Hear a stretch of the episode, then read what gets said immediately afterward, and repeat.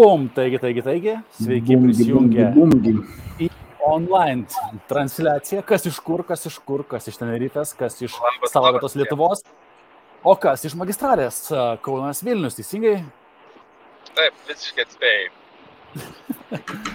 Klausyk, dar neuždarė to gabalo Kaunas Vilnius? Netikėjau, kad kada nors aš prisijungsiu į transliaciją šitą podcastą iš mašinos. Um, tai, um, aišku, mes turim apie papizdavoti, tai ką. Na nu, kaip, e, šiaip ten pas tave nėra ten normali mašina, kaip, kiek žinau, ten tas e, neturi nei e, degimo variklio jokio. Nedega. Duracelis nusprogo. aš, aš, aš šiandien turėjau iššūkį savo išsigalvojęs, turėjau mokymus Klaipėdai, tai per 10 valandų suvažinėti į Klaipėdą ir atgal elektrą padedamas Tai šaltis ir aplinkybės daro savo, vis dar važiuoju atgal. Jo, čia vad geras klausimas, ar čia pas jūs toks pingas didelis? Nu, maždaug jo, 18 minučių pingas pas mus tipo. ir jo, vėlam dėl to, kad ar nuo Tesla lietai kraunasi, gal ir neblogai važiuoja, bet, bet nu, vienu žodžiu, Bakuras pataupė didesnės batarkės, tiesiog taip ir pasakykime, kad tiesiog neužtenka iki Klaipadas. ne, ne, ir nekvėp ne kitaip. Ja, ja. A, gerai, tai šiandien, šiandienos mūsų temos, ką mes, ką mes norim pakalbėti ir ką rašymės čia, tai ir apie, apie ką jau kalbėjom, tai yra man labai įdomu jūsų nuomonė apie, apie ekonomiką bendrai paėmus. Tai yra e, Nerijus Mačiulis e, sakė, kad reikia sėdėti ant kešo. Girdėjau, kad protingiausi žmonės pasaulyje irgi dabar kaupia kešą ir laukia krizės. Kijosakis, tai tikriausiai, nežinau, čia paskutinius 10 metų. Jau nuo, du, jau nuo 11 metų kiekvienais metais sako, kad krešas bus. Nu, kažkada jis turi būti teisus, žinai. Ta, ne, jisai buvo, 2020 metais biškelį buvo teisus, dabar galbūt vėl poros metų bėgė turėtų būti.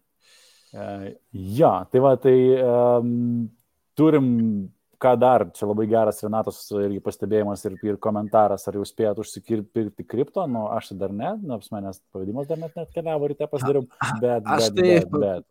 Padariau praeitą savaitę, aš pirkau įvairiom kainom praeitą savaitę, sakau, suinvestavau 32 tūkstančius, kas persimečiau, tai didžiąją dalį pirkau bitkoiną ir įvairiai pirkau ir už PM2, ir už PM4, ir už PM7 tūkstančius, tai įvairiuose vietose iš principo visos kainos man tinka, nes labai tikiu, kas laukia per ateinančius e, du mėnesius kripto rinkos. Tai, aišku, vis tiek tai nesudaro, e, nesudaro nei 20 procentų mano visų investicijų, kripto nesudaro tiek e, didžiosios dalies, tai čia tik tai patikslinimas hebrytai, kad e, nesudėtų visų kiaušinių vieną pintinę ir nelaikytų visų pinigų kriptovaliutos. Ja, girdėjom, pačinai, kad tu vieną, vieną bitkoiną esi tiesiog praknysęs. Kaip čia dabar nutiko? Yra, aš manau, kad ten yra investorius. Apie, apie vienas, bet e, gal nelieskim šitos e, skaudžios temos. Bet, žinai, kaip tvirtina jo taisyklė, kad nedėti vieną, nes jeigu viską būtų sudėjęs į tą ledgerį, žinai, tai...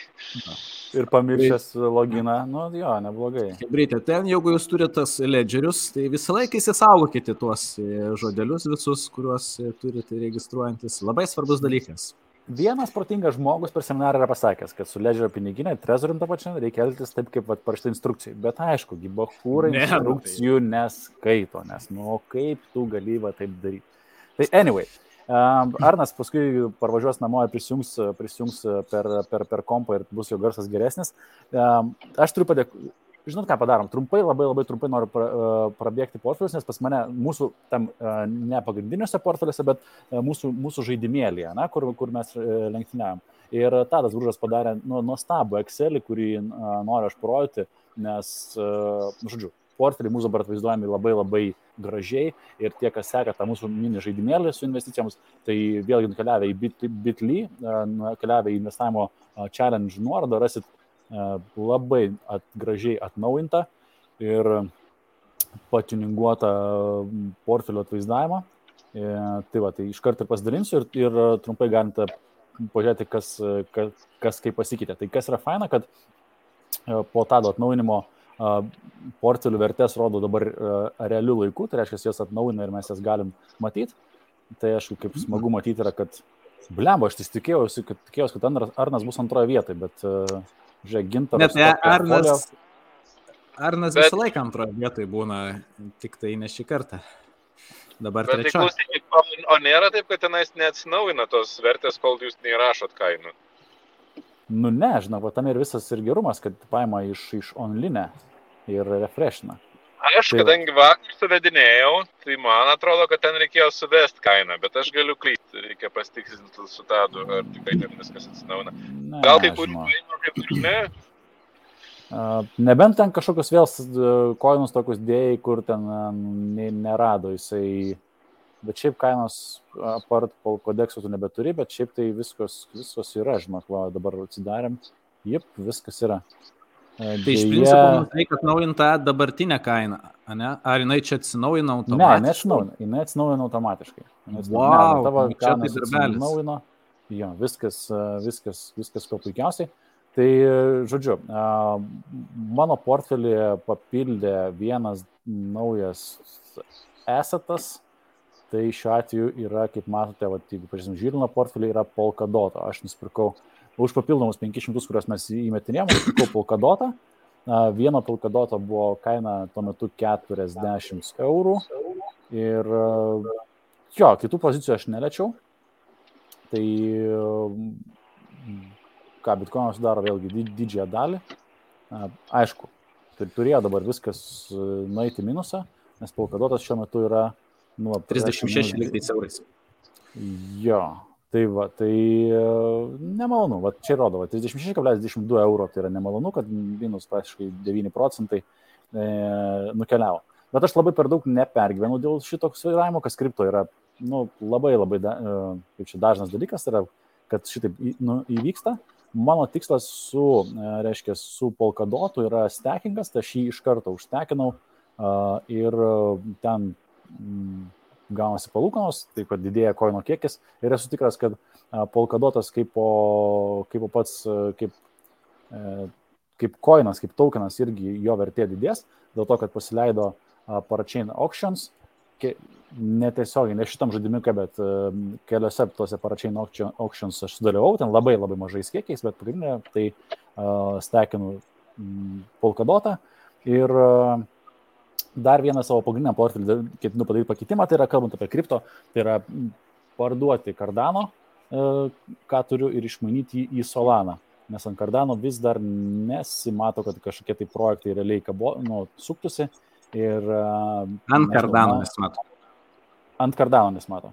Taip. Jo. O Polkadot, ne Polkadot, šitas Polkadotas, aišku, paračiai pasileido tenais krūvą projektų juda. A, Ant Solanos vėlgi, tai yra pakankamai nau, naujas, vadinkim, projektas, lyginant su Cardano naujesnis.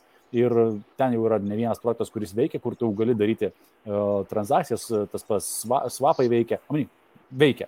Tai va tas mane kiek gazina su Cardano, kad lyg ir ten nemažai yra tokio išpūsto burbulo. Tai va, bet gal taip, gal ne, nežinau. Tai, tai. Aš tai norėčiau priminti, kad viskas, ką mes kalbam, nėra finansinis patarimas. Aš taip vis laikau savo atmintį, kad reikia priminti. Ir kad tikrai nesekite aklai, darykit savo analizės. Bet e, apie Cardano e, aš turiu savo portfelį, kol kas planuoju pasilikti. Tai tiesiog noriu pakomentuoti, kad kol nėra e, projektų, tai yra tikimybė, kad tai yra ankstyvoji stadija, kurioje Cardano dar yra pigesnis, nei jisai bus, kai bus projektų. Tai nebūtinai tai yra indikacija, kad yra blogai, kad nėra projektų. Jo, nu, tik, tik tais, nu, ką noriu pasakyti, kad per, per kiti projektai per trumpesnį, kur mano, žinai, pam- pamąstymai yra, kad kiti projektai per trumpesnį laiko tarpą sugebėjo sukurti infrastruktūrą ir ant tos infrastruktūros jau kiti developeriai sugebėjo sukurti uh, projektų, kurie veikia. Tai ir tai vyko per trumpesnį gerokai laiką. Tai tas, na, žinai, šiuo atveju gaunasi, kad Kar- Cardano juda ženkliai lėčiau negu, negu tas pati Solana. Žinai. Tai nereiškia, kad ant Solano. Ne viskas, e, kas e, nereikia žiūrėti į sprintą, reikia žiūrėti į maratoną, kaip sakant. Tarp, tarp kitko, tai Gal. neprieštarauja mm, Cardano marketingui, nes Cardano marketingas yra apie tai, kad e, stabiliai išlėto sukurti ekosistemą, kuri galėtų pavežti labai didelius uh, srautus ar, uh, ir galimybės, kad būtų platesnės. Nors tikrai nesu techninės analizės specialistas, negaliu pasakyti, ar, ar tikrai Cardano yra pranašesnis už Polkadotą ar kitus. Aš manau, kad ir ant- tiesiog diversifikuojant- diversifikuojant savo portfelį, anksčiau ar vėliau e, prašausiai su investicija, ypač į kriptovaliutas, tai e, nežinau kaip jūs, aš jau esu prašovęs, tai, mm, tai ir tai faktas, kad tu, nu bent jau aš į altcoinus, kas yra apart bitcoino, nefokusuoju didelės portfelio dalies, kaip būna atvirkščiai, Hebra, 9 procentų savo investicijų laiko memcoinuose visokiose ir panašiai, ir tik tai E, nedidelę dalį e, labiau išvystytose čeinuose, koinuose. Na kaip, Ginterai, tu kažkokį pakeitimą darėjai savo portfelyje, e, kas liečia akcijų Ne, portfelį nedariau, aš tik pasipildžiau, kaip sakiau, Upster holdingu ir dabar jisai... Tas per 500, kurias papildomus skiriai Upstartui, ne? Tai va, jisai dabar portfelis. irgi pakrito šiek tiek, e, vėlgi kiek pasižiūrėjau, tai... Mm, nu, pažiūrim, va, tas... gintaro, Shopify sudaro tikriausiai didžiu, didžiąją dalį, 38 procentai pas tai major dalis. Shopify tai dabar atsistatė, jis buvo pakritęs, mhm.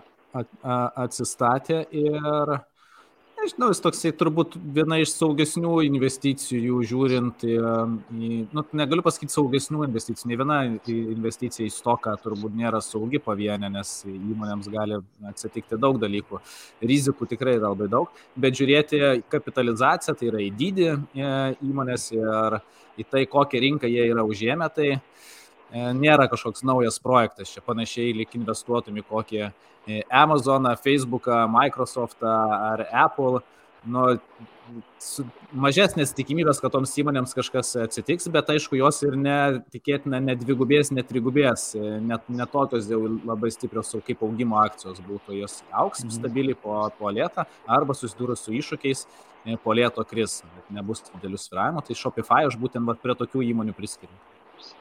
Okay. Upstartas tavo sudaro holdings 16 procentų, iš tikrųjų nemažai, nu, irgi ne. Nemažai, net aš jį pasipildžiau. Antras, jo, antras pagal dydį. Šiaip kas, kas stebina, net ir žiūrint į tas pačias akcijas, kad nepaisant to, kad, tarkim, Lemonade'as arba Bumble, tai iš viso tai yra top e, loseris tavo portfelėje, kad tavo um. portfelis netgi pikinant akcijas iš tikrųjų yra, e, mes čia dabar gavome apie pusę, bet pusės metų nėra, mes vasarą ne, pradėjom podcastą ir 10 e, procentų pelne yra, kas, plemba, šiaip yra daug. Um, short terme, žinai, kilim, kilimuose iš principo, kai ekonomika, ekonomika yra augimo stadijoje ir pinigai yra liejami į rinką ir akcijų kainos pučiasi, tai aš kažkaip gal labiau pesimistiškiau, aš tikėjausi galbūt geresnio rezultato, mm. bet, bet faktas būti, žinai, pliuse, kad ir short terme, o per trumpą laikotarpį turėti, kad ir 10 procentų gražą tai yra tikrai labai daug, žiūrint bendrai investicijas ir, investavus didesnį kapitalą, tos gražos, aišku, atitinkamai dar labiau džiuginančios būtų.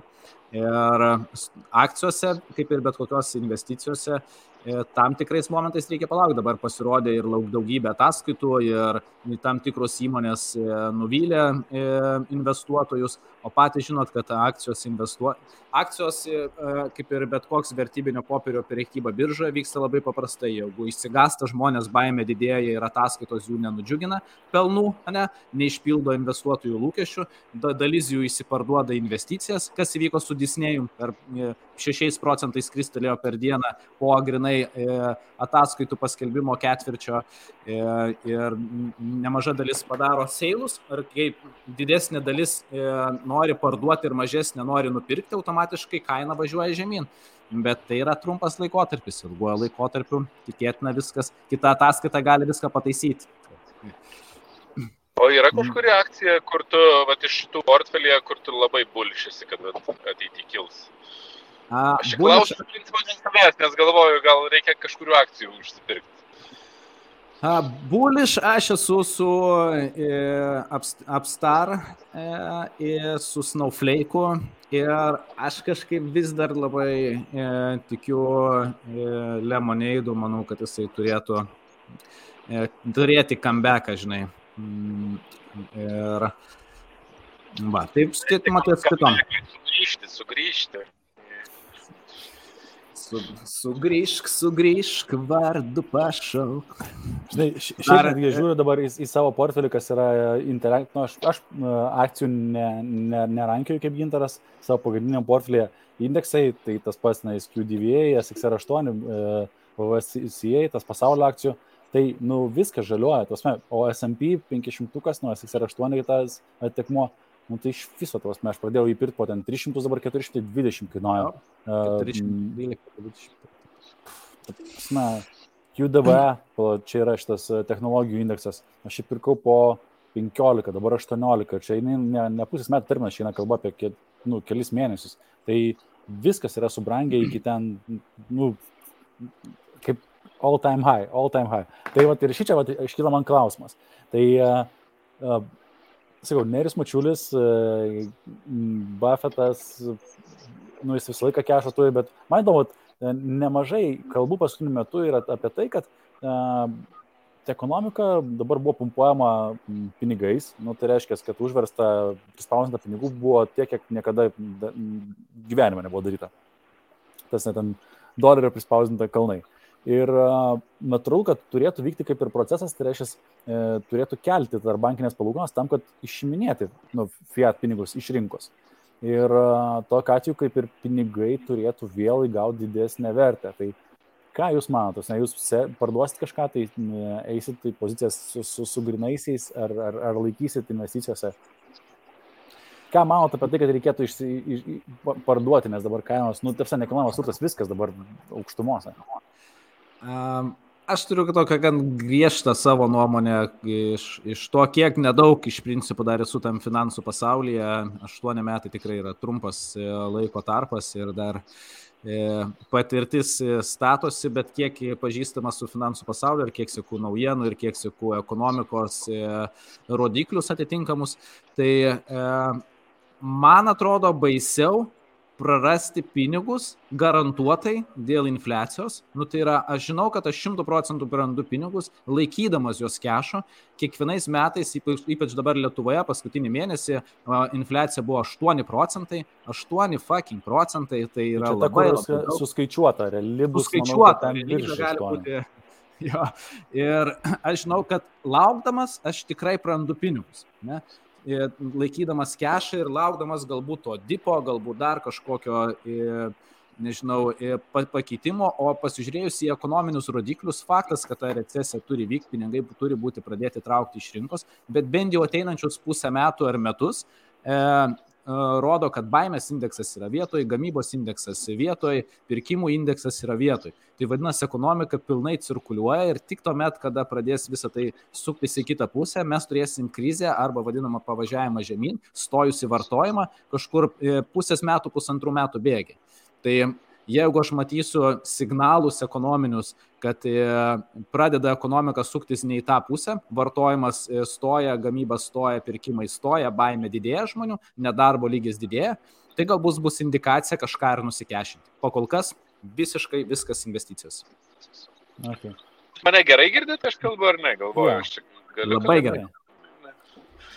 Nes aš tai galvoju, kad e, vienas uh, svarbiausių dalykų atskirti, kurios investicijos yra kokiam tikslui padėtos ir nuo to priklauso, ar iš jų reikia išsiminėti ar ne, ar, arba ar išsiminėjo ar ne savo atveju. Nes prognozuoti ateitį labai gerai išgirdau neseniai pasakymą, kad e, suprognozuoti rato išradimą būtų rato išradimas pats. Tavars, tu negali suprognozuoti, ar bus išrastas ratas, nu, nes tu nežinai, kad jis toks egzistuoja. Tai tas pats ir su ekonomikos ten, e, žinai, kitimais ar pakilimais. Bet Nes pavyzdžiui, aš turiu uh, ten investicijų, kurios yra labai long terminės, tai aš jų visiškai neliečiu. Ten, tarkim, elementariai, bitkoinas. Nu, jis stovi ir, ir kiek ten to bitkoino yra, tiek tai aš jo nieko nedarau. Nes esu bandęs spekuliuoti jo. Uh, yra indeksas, uh, kur yra nupirkta ir jisai stovi pas mane ir aš jo irgi nejudinu, nes jis yra long terminės, jeigu jis pakris, aš jį laikysiu, jeigu reikės išsiminėti pinigų iš kažkur, tai ne iš ten išsiminėsiu tuo metu. Uh, Bet pavyzdžiui, aš turiu altcoinų portfelį, kurie yra labai stipriai pakilę pastaruoju metu. Ir aš vieną pamoką esu išmokęs, nežinau, mano patirtis irgi saliginai yra trumpa, kripto rinkoje, nu nežinau, ar yra iš vis žmonių, kurie turi labai ilgą patirtį, kaip kripto rinka patyrė čia. Dešimtmečių, žinai, bet, bet aš esu išmokęs pamoką, kad aš išsiminėjau um, dalį pelno, tai yra, kai investicijos stipriai pradeda aukti kartais atrodo, kad išsiemi aišku žymiai per anksti, bet kartu uh, turi strategiją, kad paauga portfelis iki tiek, išsiemi dalį, paauga iki tiek, išsiemi dalį, paauga iki tiek, išsiemi dalį ir lai į kešų iki didžiulių, didžiųjų dipų, ne iki to, kuris dabar, nes dabar yra saliginai smulkus toks dipas. Bet iki mhm. tada, kai stipriai krešina ir vėl atgal dedi tada į pozicijas, kuriam esi, nu, buliš. Nežinau, kaip lietuviškai yra vertimas buliš. Nusiteikęs, kad brangs. Tiki, nu, kad... Čia neišsireiškimas. Buliš. Manau, kad tu tarptautinių frazių nepakei, nepakeisi. jo, tai, tai va aš turiu tam tikrą dalį ir vat, iš sukripto, kur aš išsiminėjau, iškeitinėjau į ne kešą, bet nu, į stablecoins. Mhm. Tai pagrindė USDC ir, ir, ir tenais, tai aš turiu dabar kešo, kripto kešo, to, nu, nu, USDC. Mhm kur, kur iš šimtas, ma... bet aš ne, nesakau, kad neauks, aš atvirkščiai su dideliu skausmu išiminėjau, nes galvoju, o jeigu dabar paauks, nes nu, dar nesu, bet tiesiog laikausi strategijos.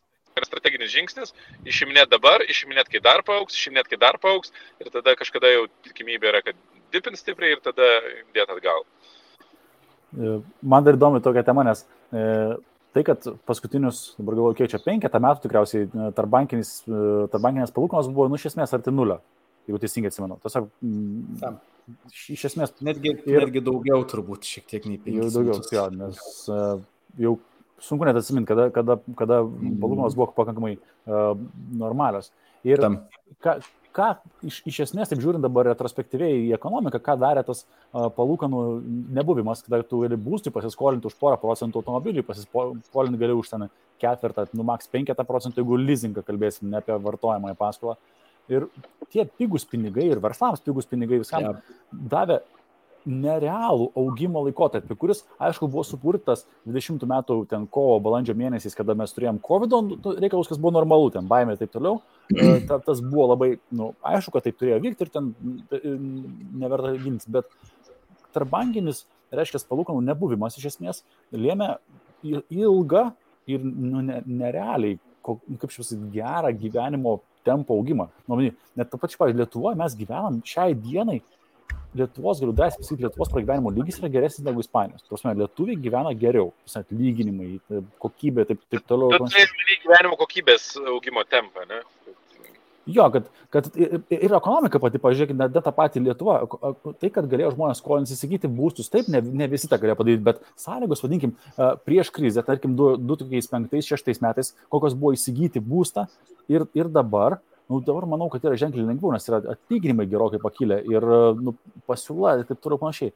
Tai man labai įdomu, ar, ar centriniai bankai, žinai, drys ir vyriausybės drys uh, kelt palūkanų normą, nes nu, čia turi, tas žingsnis kaip ir pagal makroekonomiką turėtų būti normalus, kad reiškia, jeigu prispausdam pinigų, reikia kelt palūkanas, kad jos išsimti.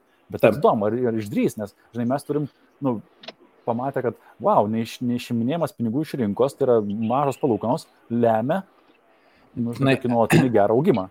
Man e, tokia. Žiūrėkit, Lietuvos bankas jau tengiasi, jisai negali įtakoti, nu, tiesiogiai keisti uh, palūkanų normos, uh, kuri yra Europoje numatyta. ECB, bet, ECB keičia. Jo, bet jisai bando stabdyti nekilnojamą Nu, ar Arnai užstrigai? Tai Aš žinau, ką Arnas norėjo pasakyti, jisai bando stabdyti, e, keldamas E, pradinį įnašą, kad jisai būtų ir didesnis, ir antram būstų didesnis, berots dabar ar 30 ar 50 procentų reikės, Arnas mm. galbūt patikslins grįžęs prisijungęs. E, tai e, per kitas vietas sunkina, sunkina procesus žmonėms pasimti kreditus, e, jeigu negali pakelti palūkanų, kad žmogus nu, kažkuris pamastytų ant ribos įmantis, ne? E, nes dažniausiai kiek žmonės simdami būsto paskolas pasižiūri tuos 2 e, procentus dabar, kuriuos moka ir galvoja, kad tuos 2 procentus mokės visą laiką. Nes būna tokių šimtą, kaip aš per, per konsultacijas sumatęs, šimtą pasiskolinu, bankui sumokėsiu ten 15 ar ten 22 tūkstančius Va, tai, tai čia labai pigu, žmonės nepamasto, kad keisis palūkanų norma ir visa kita. Tai e, a, eis per kitas vietas po kol kas ir manau, Tos, kad tu nemanai, kad, kad, kad Euriboras didės, manai, kad nėra... Aš manau, kad jisai didės, klausimas, kada jisai didės. Aš kaip tik dabar dariau e, YouTube'ės kanalę pas save apie BlackRock e, įmonę klipuką ir Blemba, labai įdomių dalykų, kad e, tas Larry Finkas, kuris BlackRock CEO ir įkurėjas yra, jam priklauso skaityk 9 procentų žiniasklaidos, visos pasaulyje esančios, tai kaip aš sakau, kaip tu manai, jam sunku globaliai paskleisti žinutę kažkokią, nesunku. Jam priklauso dafiga nekilnojamo turto, bankai praktiškai didžiausias akcininkas, BlackRockas yra visų bankų didžiausia Amerikoje, Austrijoje. BlackRockas yra tiek įtakingas, kad su, net sunku protų suvokti jisai iš principo valdo apie 10 procentų viso pasaulio ekonomikos. Tai ar jisai, nus, ir jisai dabar buvo per COVID, BlackRockas be atrankos nusamdytas Amerikos suvaldyti krizę COVID. Ir ką jisai padarė, sako, Hebra spausdinam babkės. Jisai nėra suinteresuotas kelti palūkanų, nes tada užsiriša jo visi turto didėjimai. Tai aš dėl to, po, po to, žinai, klipo sukūrimo, aš kažkaip labai pradėjau abejoti recesiją ir pinigų ir, ir palūkanų kelimų apskritai, nes yra daug nesuinteresuotų žaidėjų, nes jie, jų turtai mažės iš principo. Matai, kas vyksta, kada ekonomika važiuoja į viršų, vėlgi, koks procesas įvyksta, reiškia, daugiau įmanoma uždirbti, žinai, čia jau prieinam biškelį prie samokslo teorijų, nes, bet nu, esmė tokia, kad BlackRock'ui priklauso 10 procentų pasaulio ekonomikos. Taip, čia nepaslėpsi, visai tampo, Larry Finkas tampo virvelės, kaip ir, žinai, Putinas yra be galo takingas ir nieko aš nepadarysi. Taip vyksta. Taip. Ir farmacijos biznis be galo takingas ir, ir, ir nu, čia tiesiog kažkas, kažkas turi to proto pasižiūrėti, iš kur pinigai ateina ir kaip užsakoma nuomonė viešoji, kas kas neturi ir, ir viskas. Taip. Bet, uh, ką noriu pasakyti, kad daugiau pinigų pas turtinguosius, turtingiausius pasaulio žmonės atsiranda, kada yra ne recesinis periodas, Būtent. o yra bull marketas, kaip patarnas čia kalbėjo. Ir tame aš sutinku su tavim šito vietoj, kad e, labiau pasaulio turtingieji, iliuminačiai, yra labiau su, su nu, turtingiausios šeimos, vadinkim, turtingiausios pasaulio žmonės labiau yra suinteresuoti, kad būtų ne bull marketas, o kad būtų ne, tai yra ne, ne bear marketas, o kad būtų bull marketas. Tai čia... Bet pagalvok, jeigu apskritai nebūtų pinigų, šiaip aš taip kažkaip e, nebūtų pinigų spaudai, pasižiūrėjau visai kitaip čia per pastarąsias porą savaičių, kai e, sirgau, turėjau daug laiko e, produktyviai praleisti laiką, ne tik prie filmų ir serialų, bet ir pagilinti tam tikras žinias, patobulėti, tai praplėsti dar irgi savo požiūrį labiau. Tai, e, supratau, kad jeigu nežinai toksai pinigų spausdinimas ir leidimas į rinką, tai mes toli gražu būtume kitam lygyje su tiek pažanga, tiek su technologijom, tiek su pragyvenimu. Ir aš kažkaip tai net nu, labai teigiamai pradėjau žiūrėti į visą tą ekonomikos e, skatinimą ir tik tai klausimas, kaip jinai bus reguliuojama, kaip koks tas planas yra, nes viena iš teorijų, kuriuos aš net priejau, kad Blembo, gali būti, kad viskas keisis ir iš esmės mes taip ir pompuosimės į viršų ir, e, nebus taip cikliškai, kai viskas buvo kas 8-11 metų. Klausimas, koks yra tas planas tų didžiųjų, žinai, ir we'll see. Matai, infliacija yra tas dalykas, kuris e, vėlgi, nu, gazina žmonės, mane tai taip pat gazina ir, e, žiūrėk, tu visą kaip, ten žinai, investuokit, investuokit, čia padengsime infliaciją. Bet investuodamas tu prisimi riziką. Prisimi riziką tu. O infliacija valdo šiuo atveju vyriausybės ir centriniai bankai. Tai kodėl aš turiu prisimti e, investavimo riziką ir su didėjančia infliacija aš turiu prisimti, kad tam, kad mano pinigai išliktų tos pačios vertės, aš turiu prisimti didesnę investavimo riziką. Ja. Nes dabar, pavyzdžiui, aš nukeliausiu, anksčiau galėdavau infliaciją padengti pasidėjęs indėlį.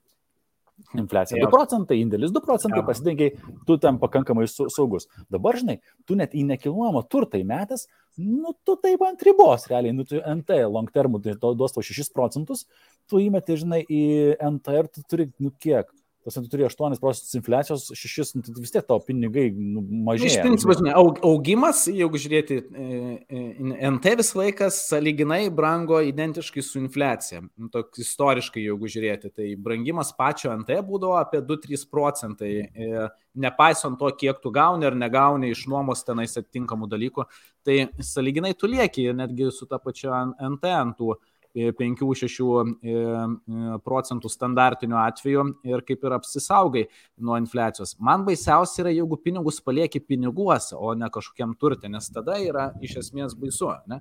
Pinigai lieka piniguose ir jeigu mes turime infliaciją, ne? nu tarkim, tarkim, paimkim tą pačią P2P paskolas. Ne? Aš paskolinu žmogui pinigus, ne dėl ko aš pats, man, man neįtin priimtina dabar e, šitą investiciją dabartiniais laikotarpiuose, kai didelė infliacija ir žmonių, pas žmonės turi daug pinigų, gali prasidėti negražinimai ir visa kita. Tai aš paskolinau pinigus, tarkim, už 12 procentų, ne, nekilnojamo turto vystymui. Ne? Tas vystytojas įsivystė nekilnojamo turtą, ne? Per tą laiką NT kaina, tarkim, pakilo, jisai pakėlė dar daugiau pinigų iš mano tų paskolintų pinigų, bet mes turėjome milžinišką infliaciją vat, po 8 procentus kiekvienais metais ne? ir jam reikia gražinti tuos pačius 12 procentų man nuo mano paskolintų pinigų, nors mm. jo turtas pakilo ir jisai su tais pinigais ženkliai daugiau nuveikė.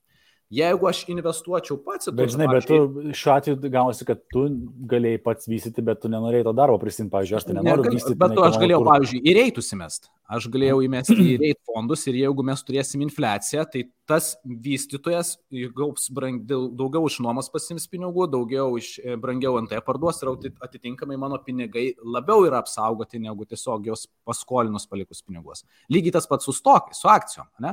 Aš įdarbinu, tarkim, nusipirkau Apple akciją ne? Ir iPhone'ai pabrango. Ne, dabar kainuoja ne, tarkim, štuką euro, dvi štukas dolcų. Ne? Nes tokia infliacija, pinigų kiekis pas žmonės padidėjo, automatiškai pabrango ir prekes, ne, kurias parduoda ta įmonė. Tai jeigu pabrango prekės, žmonės didesnius pinigus, tuos brang, didesnį pinigų kiekį suneša įmonė, automatiškai jos ir stokai atitinkamai auga.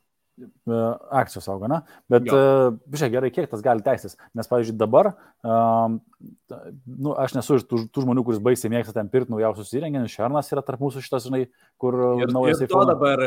Ir... ir to dabar neperka, ne? Nu, tarsi, nes, nu, tampa ties kažkokiu etapu, tipo, gal ir neblogai, kai fainai tas naujas daiktas, bet po to, kai jis būna toks pat ir toks pat ir tu sumoki ten kartu kainą, nu, ar bent jau mano dabartinė pozicija, žinai, irgi.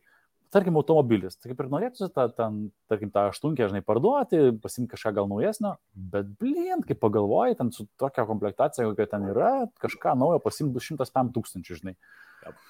Ar verta dabar tos pinigus, kitaip tariant, ar verta šiuo metu vartoti, vad kur, kas, kas gaunasi, kad e, kol mes e, ir ekonomika matosi ant to, kad su intencija, kad žmonės vat, pakilus kainoms vartos, tai kaip ir viskas neblogai veikia. Bet ar nebus taip, kad tiesiog vartotojai pamatė, kad nuo tų kiekvieną mėnesį už ten tą aungą čia kainą turi vis pirkti, ten dar turi, nu, na, nori pirkti iPhone, paskui tu žiūri, galvoji, gal man ir bus gerai tas ten dešimtas ar ten koks, kokį aš ten turiu, ar, ar dar senesnis, nes, nu, iš esmės nebesinori išleisti ten 1500 už telefoną, nes nebematai, kad vertėtų, tas tiek džiaugsmo atneša, kiek pinigų tas mano. Kaip tu naiviai galvoji, aš net, e, nu, aš labai norėčiau, kad būtų vat, būtent taip, kaip tu, e, kaip tu sakai, kad žmonės e, suvaldytų savo tą, kylant pajamoms, kylant didėjant pinigų kiekius, suvaldytų savo norą išleisti ir pirkti naujus dalykus.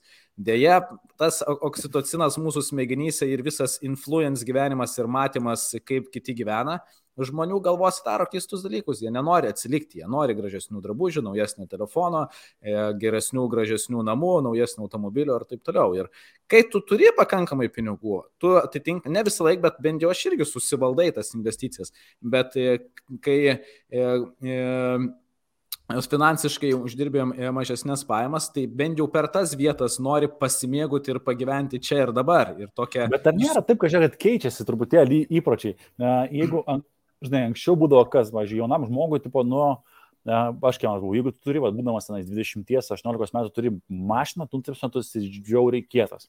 Dabar tu... Jeigu dar bamba, iš vis. Viskas, tasme, hands down, tu ten vie, viešpats, ne? Taip. Šiai dienai Tai turėt mašiną, neturėt, tiesiog vienodai. Elektrinis paspirtukas, same as good ar, ar BMW, žinai, gal net tu esi šustresnis. Net tariant, keičiasi pats, Keičiasi. pats tas Pritariu įprotis. Pritariu, Ir- tikrai keičiasi. Va čia gaunasi, kad žmonės uh, galbūt, va tas NFT, žinai, čia reikalas NFT, vis, visokio digital, to, skaitmeninio turto turėjimas, kad dabar vis didesnė ma- mada yra turėti kažkokią tai vat, elektroninį tą turtą ir, ir, ir gal tas ir, ir keičiasi. Vat, žinai, įdomu, ar iš tikrųjų žmonės dar tiek, uh, tiek uh, vartos, ar visgi keisis vartojimo įpročiai. Nes sakau, šią dieną aš negaliu vat, logiškai pateisinti, kod, kodėl reikėtų pirkti, ten, žinai, man naują automobilį ar ten dar kažką. Tai tu, tu manai, kad tiesiog galvoju, kad gal nu, visiškai ne, nelaikas ir ne vieta, žinai. Aš manau, kad e, e, būtų visai e, įdomi ir, ir žiūrovų, ir klausytojų nuomonė, kaip jie mano, ar, ar keičiasi šitą vietą, kas klauso, ar svarbu, nesvarbu, žinai, e, kokia jų nuomonė. Nes aš manau, kad po truputį keičiasi, ir, bet still yra labai didelis kiekis žmonių, kurie vaikosi ir vaikysis to vartojimo. Ir gal tik tai, žinai, kaip mums atrodo, kai tavo aplinka keičiasi, atrodo, kad e, ir visas pasaulis ale keičiasi, bet, žinai, pasižiūrėjus bendrai, yra labai daug problemų su vartojimu ir aš manau, kad tas vartojimas toliau ir išliks. Nu net Arnas nustojo tiek, tiek visko pirkti. Iš vis, iš vis nebevartoju. iš vis nebevartoja. Tai sakau, net jeigu mūsų tai Hebros didžiausias išlaidūnas pradėjo, tos me, keis savo požiūrį, tai kas su pasauliu turi vykti, jo tikrai. kaip- gera kokybiškai prisijungti ir girdėti normaliai ir, ir būti girdimi normaliai. Ir neįsivaizduoju, geras. kokios, uh, lomkės prasideda, kai uh, girdi, kad jūs šnekat ir norisi įsiterpti ir pakomentuoti jūs. ir Nes negaliu. galvoju, ką šitie nusišneka. Taip, nesąmonė. nesąmonė. Ne, ne. O tu biškelį nefokusą, man rodo, savo gal ir jau normaliai. Ai, čia automatiškai sufokusuos mane. Gal. Gal. Taip delną padarai, bum, ir tada padarom. Nu tai prisi, pri- prisi, prisiduok ten, ką tavo su nekilnojamu turtu, ką tu norėjai pasakyti. Aš norėjau pasakyti, kad e, bando, um, ne, autofokus, autofokus, bandau pažiūrėti, ar čia autofokus ar ne. Gerai, šiaip pakankamai gerai mataisi. Na, išplaukęs, tai išplaukęs. Raukšų e, nesimato, jo, viskas Jo, gerai. Kaip ir, kaip ir gyvenimą išplaukęs, taip ir prieš kamerą. jaunatviškesnis atrodys. Galiu čia šitą. Ne, čia automatinis yra. Nu, gal pagaus mane žodžiu. Tai e, norėjau pasakyti, kad Lietuvos vyriausybė bando e, sureguliuoti irgi e, nekilnojamo turto rinkos perkeitimą, tik aš nežinau, kaip Europoje yra. Ar Europoje žinot, ar yra perkeitimas nekilnojamo turto rinkos, nu, taip, ar, ar labai kyla nekilnojamo turto kainos ar ne. Kyla. Visam Bent, pasauliu. Bent jau kiek aš turiu į į Danijoje, Olandijoje, Norvegijoje, Vokietijoje klientų, tai būmina, kyla NT kainos labai Tai pačioje Tenerife'e, žinokit, aš vad pernai ką žiūrėjau, dabar, dabar pakilę, tas me, kad ir tikrai ir pakilę ir gan stipriai. Žinai, bet vėlgi. Uh, Bet nekilnojamo turto kainos ir apskritai e, e, skolinimuose, jeigu e, norės e, tą srautą sureguliuoti, tada kels e, šitas e, palūkanas. Baimė. Jo, bet e, kol nėra poreikio, tai nekels. Nes iš principo, aš vat ir norėjau labiausiai įliet vieną temą tokią, kur besiruoždamas šitam pokalbį mūsų, nes kartais aš net pasiruošiu, apie ką mes kalbėsim. Ir čia yra turbūt... tik pačiunas nesiuošia. Tuo prasme, daugiausiai namų darbus darau. Aš tik tai su laiku nepasirašau normaliai, bet e, man labai patinka, nes aš pats galiu pa, patobulėti biški šitose įvairiose srityse. Ir aš nežinau, ar kai studijavau ekonomiką, negirdėjau to, ar tikrai nepasakoja, kad yra iš principo dvi tokios besipriešinančios tarpusavėje e, ekonomikos kryptys. Vieną kursą atlankius, nežinau, ar tenais. e, Nu, man atrodo, kad čia pradžioj turėtų būti. Nes yra Austrian Economics ir Kinesian Economics. E, Nežinau, ar esat girdėję ta- ta- tas dvi kryptis. Nes čia diskusija, apie ką mes diskutuojam, yra būtent apie tai. Nes Kinesian Economics iš principo jie teigia, na, nu, aš galiu suklysti, aišku, nes aš tiek, tiek dabar ir spėjau čia pasidomėti, besiruošdamas šitam podkastui, bet šiaip atradau ir, ir pasidomėkit, kas, kas nesidomėt, kad jie teigia, jog e, iš principo e, rinka pati susireguliuoti iš savęs taip efektyviai, kaip padedama e, centrinės valdžios negali. Nu, aš čia savai žodžiais perfrazuoju ir Mhm. savo nuomonę apie tai sakau, čia nėra moksliniai dalykai. Tai ne, jeigu norit mokslinių, tai tyrinėkit patys ir analizuokit. Bet, e, nu, vat, man susidarė toks įspūdis. Ir kad reikalinga centrinė valdžia, kuri nustato e, tam tikrą pasiūlą, jeigu, pavyzdžiui, mažės vartojimas va, dėl pandemijos, kas buvo, tai įlieja pinigų papildomai, sumažina palūkanas, kad skolintųsi, kad didėtų vartojimas, skatinat vyriausybinius kažkokius valstybinius projektus, nu kaip Lietuvoje, pavyzdžiui, keliai labai stipriai pradėjo važiuoti. Tai yra, kad vartojimas išliktų ir kad iš, iš principo galima būtų reguliuoti ekonomiką su tam, infliacijos, tam tikra infliacijos norma. O Austrian Economic e, teigia, nu, tai prasme, jie turi kitą tą politiką, kuriai, tarp kitko, bitkoinas yra labai artimas kad rinka pati gali save reguliuoti ir kad yra na- natūralūs ciklai pakilimo ir, ir nusileidimo e, ir kritimo ir kad reguliuodamasi pati jinai yra efektyvesnė ir kad šiai dienai e, bandydama sureguliuoti e, rinką valstybės arba centrinė valdžia, kad ir kokiam, kokioje kokio apimti žiūrėsim, iš principo padarė daugiau žalos nei naudos. Tai yra tuos, kurie yra labiausiai nuskriausti, dar labiau nuskriaudė. Ir va, Iš esmės, pinigų spausdimas tą ir, tą ir lemia, nes e, Mhm. Nu, taip. Amini, kad ypač Amerikoje tas pasijūtė, kai ten žmonės gavo tiesiog, e, gavo pinigų, e, pradėjo, žinai, man, kur atrodo didžiausia žala, tai yra tai lūkesčiai, kad e, jeigu vyriausybė paėmė ir padalino, pribarstė pinigų, tai žmonės galvoja, o, tai kitą kartą, kai bus sunku, vėl pabarstys pinigų. Kam čia stengtis, kam čia dirbti, kam čia tapti geresniu, kam čia, žinai, mokytis ir taip toliau panašiai, nu, padalins pinigų. Bet, Nes blema, vis čia yra dalis, to, dalis vis, pažiūrėk, ir Lietuvoje yra e, ciklas žmonių, kurie sėdi ant e, pašalpų ir jie net neįsivaizduoja, kam, žinai, kažkam yra enough gauti tuos 5-800 eurų ar ten dar kažkokią pinigų sumą ir, ir nesiparinti, žinai, padirbėti, vėl sėsti ant pašalpų, padirbėti, vėl sėsti ant pašalpų. Yra serialas toksai Shameless e, amerikiečių, būtent Mhm. šit, šita visa tema, tokia absurdo, absurdo komedija, kaip, kaip žmonės vat, išnaudoja visus tuos valstybinius dalykus, visas pašalpas ir kitus Ir čia, dalykus, žinok- sugeba gyventi ir suktis iš padėties. Ir čia labai įdomus dabar posūkis. Šiaip jau pasaulis, jeigu taip žiūrint tokius grandiozinius tiks, ciklus, tai sukasi iš tokios, žinai, kapitalistinės, vadinkime, visuomenės į socialistinę ir vėl, ir vėl atgal. Tas, tas lietai, pamažu, bet vat, juda.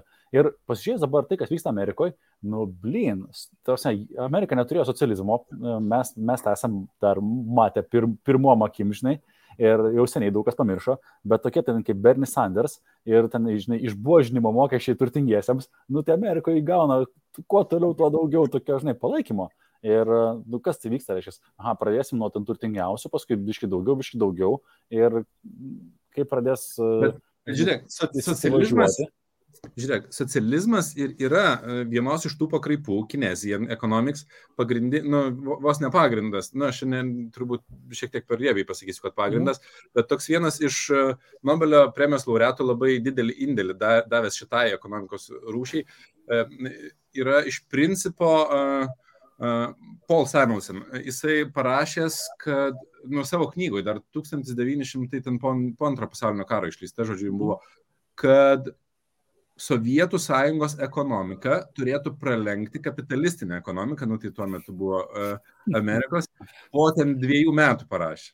Po to kitam leidime parašė, nu, nes ne, nepralenkė, kad po penkių metų. Dar kitam leidime vėl nukėlė ten į ateitį. Dar kitam leidime dar nukėlė į ateitį ir kur kažkada ten po jau šaltojo karo, per šal, šal, šaltojo karo metus, tą skyrių išėmė iš to vadovėlio, nes tas vadovėlis buvo leidžiamas iki visai neseniai, nu, nu, kel, prieš 20 gal metų nutrauktas ir 30. Na, bet mes visi puikiai suprantam, čia, žinai, užtenka Orvelo gyvulių ūkio ar tenais uh, 1984 paskaityti, kad tu suprastum, kad nu, tas taip, taip neveikia, kad tu žiūrėk. iš platformerių. Bet iš principo teiginys buvo toks, kad uh, aš ne, nesakau, aš jam pritariu, aš tiesiog į, į, Mhm. įpilu šiek tiek žibalo į diskusiją. Teiginys buvo toks, kad jeigu uh, nu, mums nepatraukli atrodo socializmo idėja, nes biški vežė į uh, pataisos darbų stovyklas, šiek tiek žudė, šiek tiek, uh, nu, bet yra, nu, sakau, Rubiški. Tokių nemalonių dalykų. Tokių, ironizuodamas šiek tiek. Bet kad jeigu nebūtų tų emocinių sąsajų, kad maždaug socialistinis tas modelis, kada centrinė valdžia viską valdo, galėtų geriau susitvarkyti.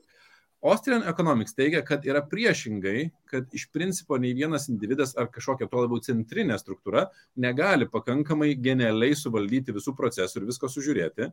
Ir dėl to tai yra neįmanoma. Ir iš čia išplaukia viena įdomi dalis apie valiutą, kad valiuta yra sukurta centrinės valdžios. Ir nuo labai senų laikų, nuo tada, kai atsirado auksinės monetos, netgi uh, va šitam podcast'e, kur aš persinčiau į, į bendrą čia. Petersono. Mhm. Jo, Petersonas su tuo, ekonom, tarp kitko, tas ekonomikos pro, mm, daktaras ir, ir, ir kalba tas profesorius. Ne, aš to įdėsiu visiems linką, kas žiūri, kad... Uh, jo, galite pasižiūrėti, nes iš to podcast'o pagrindė man to, tokios labai įdomios išvalgos ir atėjo, ko, ko pradėjau googlintis ir analizuoti ir studijuoti. Uh, ir um, pamečiau net mintį, apie ką kalbėjau.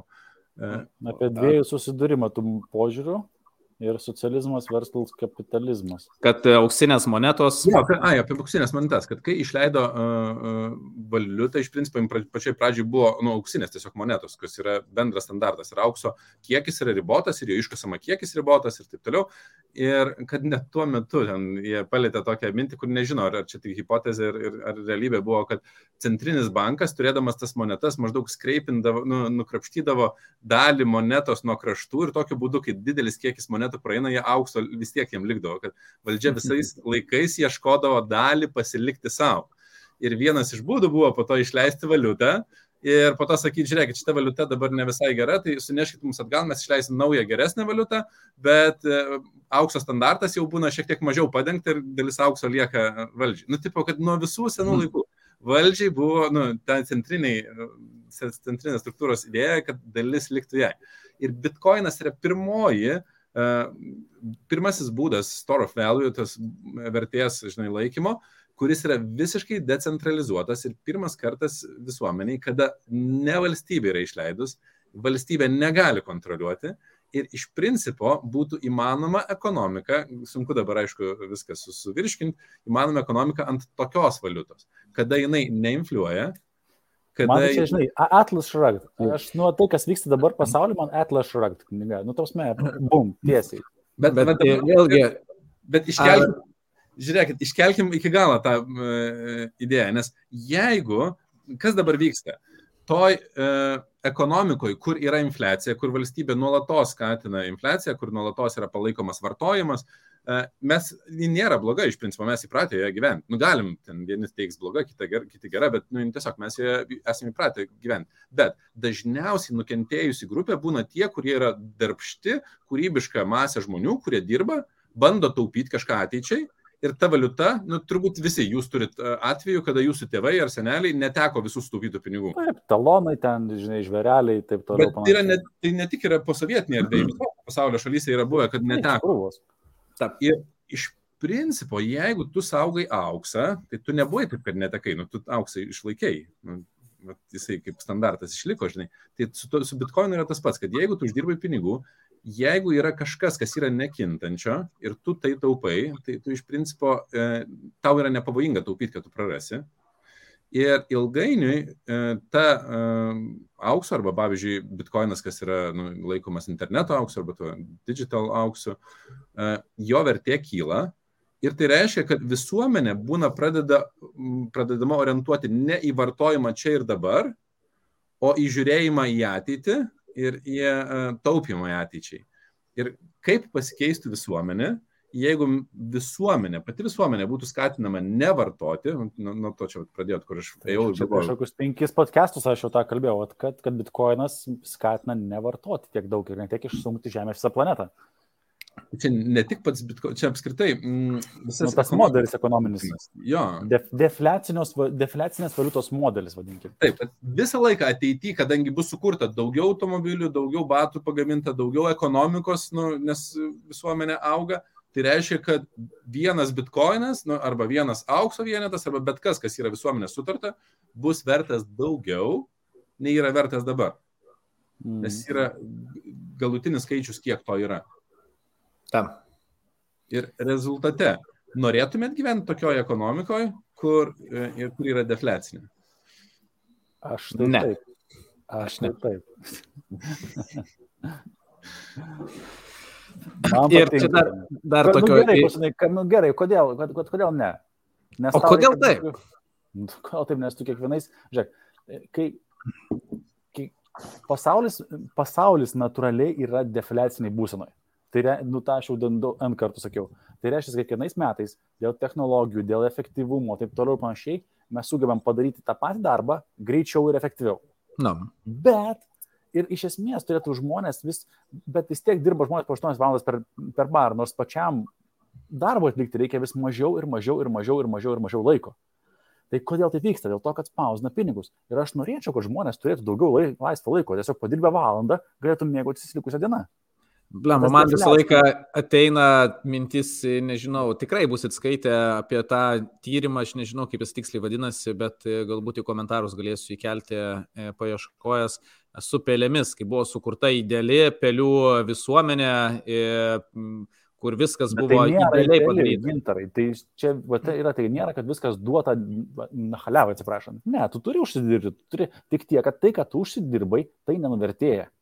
Kažkas, kas sėdi centrinį valdžioj, to, kad tu uždirbai, netima iš tavęs. Tas būtų visai primtinas dalykas. Tai Matai, e- esmė ta, kad tu ne, nebus taip, kad tu neužsidirbai ir gavai, kad, kad gausi kažką už nieką. Ne, tu tą pirmąjį bitkoiną, pirmąjį kažkokią tai tą pinigą tu turėsi užsidirbti. Ir, tu, ir, ir sakant, turėsi užsidirbti.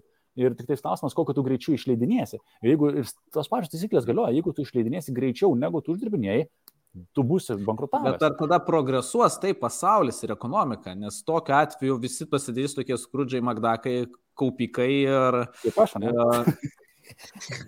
ir kas, kas tada, žinai, laukiam, laukiam, laukiam, laukiam ir nežinau, man tokia liūdna Kodėl? Kaip, visuomenė. tik tada norės žmonės kurti kokybiškesnės prekes, kokybiškesnės paslaugas, nes žinos, kad, ameni, kad nu, tu, tu darai tas, ką žmonės dabar būtų linkę atsisakyti savo sukurto, sukur... čia žinai, kaip gaunasi tokia atveju tikrasis mainų vienetas laikas. Kaip tam filme, kuriam buvo kažkoksai apie Mhm. laiką, ne, kad tikrasis vienetas gaunasi laikas. Ir tada stengiasi iš tikrųjų sukurti labai labai kokybiškas prekes, paslaugas, tai ko reikia ir tu perki tai ko reikia. Nes tavo tas matas, žinai, yra brangus, tai yra tavo laikas iš esmės gaunasi. Nes jis yra ribotas, kaip ir šiuo atveju bitkoinas. Atsiranda, e, aš norėjau užduoti klausimą, kad jūs pasakytumėte ir pasakyti savo mintis, kai aš klausiausi ir po to ieškojau informacijos ir galvojau, o kaip būtų, nu gerai, kaip būtų. Šiandien, tarp daug laiko turėjau galvoti, kaip būtų, jeigu būtų vienai per kitaip važiuodamas pirminant gal. Klaipėda. Tai vienu atveju gaunasi, kad jeigu yra infliacija, jeigu centrinė valdžia viską reguliuoja, tai turtas bet kokiu atveju yra gebamas sukaupti, bet tik tai tiek, kad jis yra gebamas sukaupti turtingųjų arba tų, kurie jau turi sukaupę kapitalo ir žinių bagažą rankose. Nes e, mes pradedam suvokti, kiek laiko man reikėjo iš tikrųjų įsisavinti, kad vidutinė infliacija ilguoju laikotarpiu yra tikrai aukšta. Netgi skaičiuojama, nu, pavyzdžiui, tam, tam podcast'e sakė e, paskutiniam, kur klausiau, kad uh, septyn, išsivyščiusiose šalise vidutinė infliacija ilgojo laikotarpiu yra apie 7-6-7 procentai. Reali, reali infliacija ilgojo laikotarpiu. Ne, ne krepšelio, kurį uh, duoda, nu, Skaičiuoja, taip, tiem, taip. kurį skaičiuoja vidutiniam žmogui, kad nusipirktum kiaušinių ir, ir, ir sviesto ir sūrio, o, o kur realiai žiūri, ką tu gali įpirkti. 6-7 procentai. Tai 6-7 procentus uždirbdamas, tu tik tai, baba, nu, keep up, nu, tipo, eini su, su, su šituo. Tai tie, kurie yra turtingieji, nu, BlackRockas kalbėjo, ten kiti, kur aš buvau atsijungęs, nu, tai jie geba akumuliuoti didesnį pelną, tokiu būdu akumuliuoti visą turtą, visi kiti tuo tarpu, kurie uždirba ir bando taupyti su keliais procentais, jie praranda turtą, nu, perkamą Jep. gali. Ir rezultate e, gaunasi, kad šita sistema, vos, vos nesamokslo teorija, kad jin yra parankesnė turtingiesiems ir dėl, nu, nes jie maždaug tą kapitalą kaupia ir susikaupia. Tuo tarpu, jeigu būtų paremta ekonomika, vat, būtent deflecinė e, valiuta, nu, tai yra necentralizuota. Tai pirmas klausimas, į kurį nesugebėjau atsakyti, ką veiktų val, valdžia ir valstybė. Šitoje vietoje tai aš turiu pamastymą, ką veiktų valdžia. E, O antras daly, antrą dalyką pasakysiu ir Mhm. tada išklausysiu tavęs.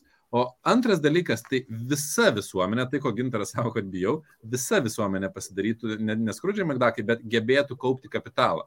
Tai reiškia, kad kažkoks e, žmogus, kuris dirba ir net jeigu ir nedaug uždirba, bet jo turtas nenuvertėja, po truputį taupydamas ir dar tą truputį taupydamas, investuodamas, nu, skolindamas kažkam, kas galėtų jam generuoti pelną, nes pelnas eitų ant viršaus, neinfliuotų valiuta. Nu, ta prasme, Bet Iš principo ir dabar tą gali padaryti tinkamai investuodamas pinigus.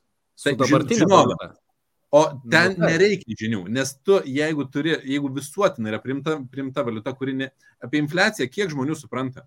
Ta prasme, buvo daryti tyrimai, aš dabar skaičiau tyrimus e, pa- pastaruoju metu, kad e, mažiau nei pusė žmonių supranta, kas yra apskritai e, bendras vidaus produktas valstybei.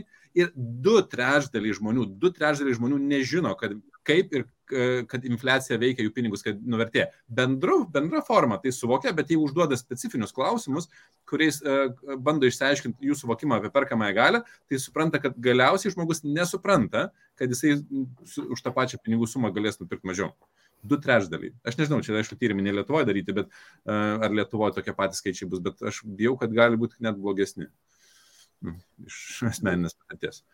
Ir dabar apie valdžią ir apie tur- turtingųjų, turting, žinai, turtingųjų didesnį turtingėjimą. Kai Taip. vyksta tas dalykas, kad turtingieji pradeda dar labiau turtingėti ir ten iki, ką dabar, vat, kas su Masku ir su Bezu vyksta, realiai, va, Twitter, jeigu žiūrėsite, tas vyksta dab- šiai dienai realiai. Tai visuomenė, kai kažkas tampa neadekvačiai turtingi, stengiasi juos išbožinti. Nu, tikrai žodžio prasme. Tai reiškia, Tai kad ateina, tad Ne tik turtingi, bet dar ir parodo, kad jie yra turtingi. Nes yra Taip. turtingų, kurie nerodo, kad jie yra Taip. turtingi. Bet iš esmės ateina tada, tada visuomenė, tada tie, žinai, būrai visi būrėsi ir, ir, ir, sako, kamon, reikia tai, kad tu tapai neadekvačiai turtingas, reikia, nu, ir, ir tas vėl ciklas, vėl periname tokį, kaip vadinkim, socializmą ir viskas važiuojasi.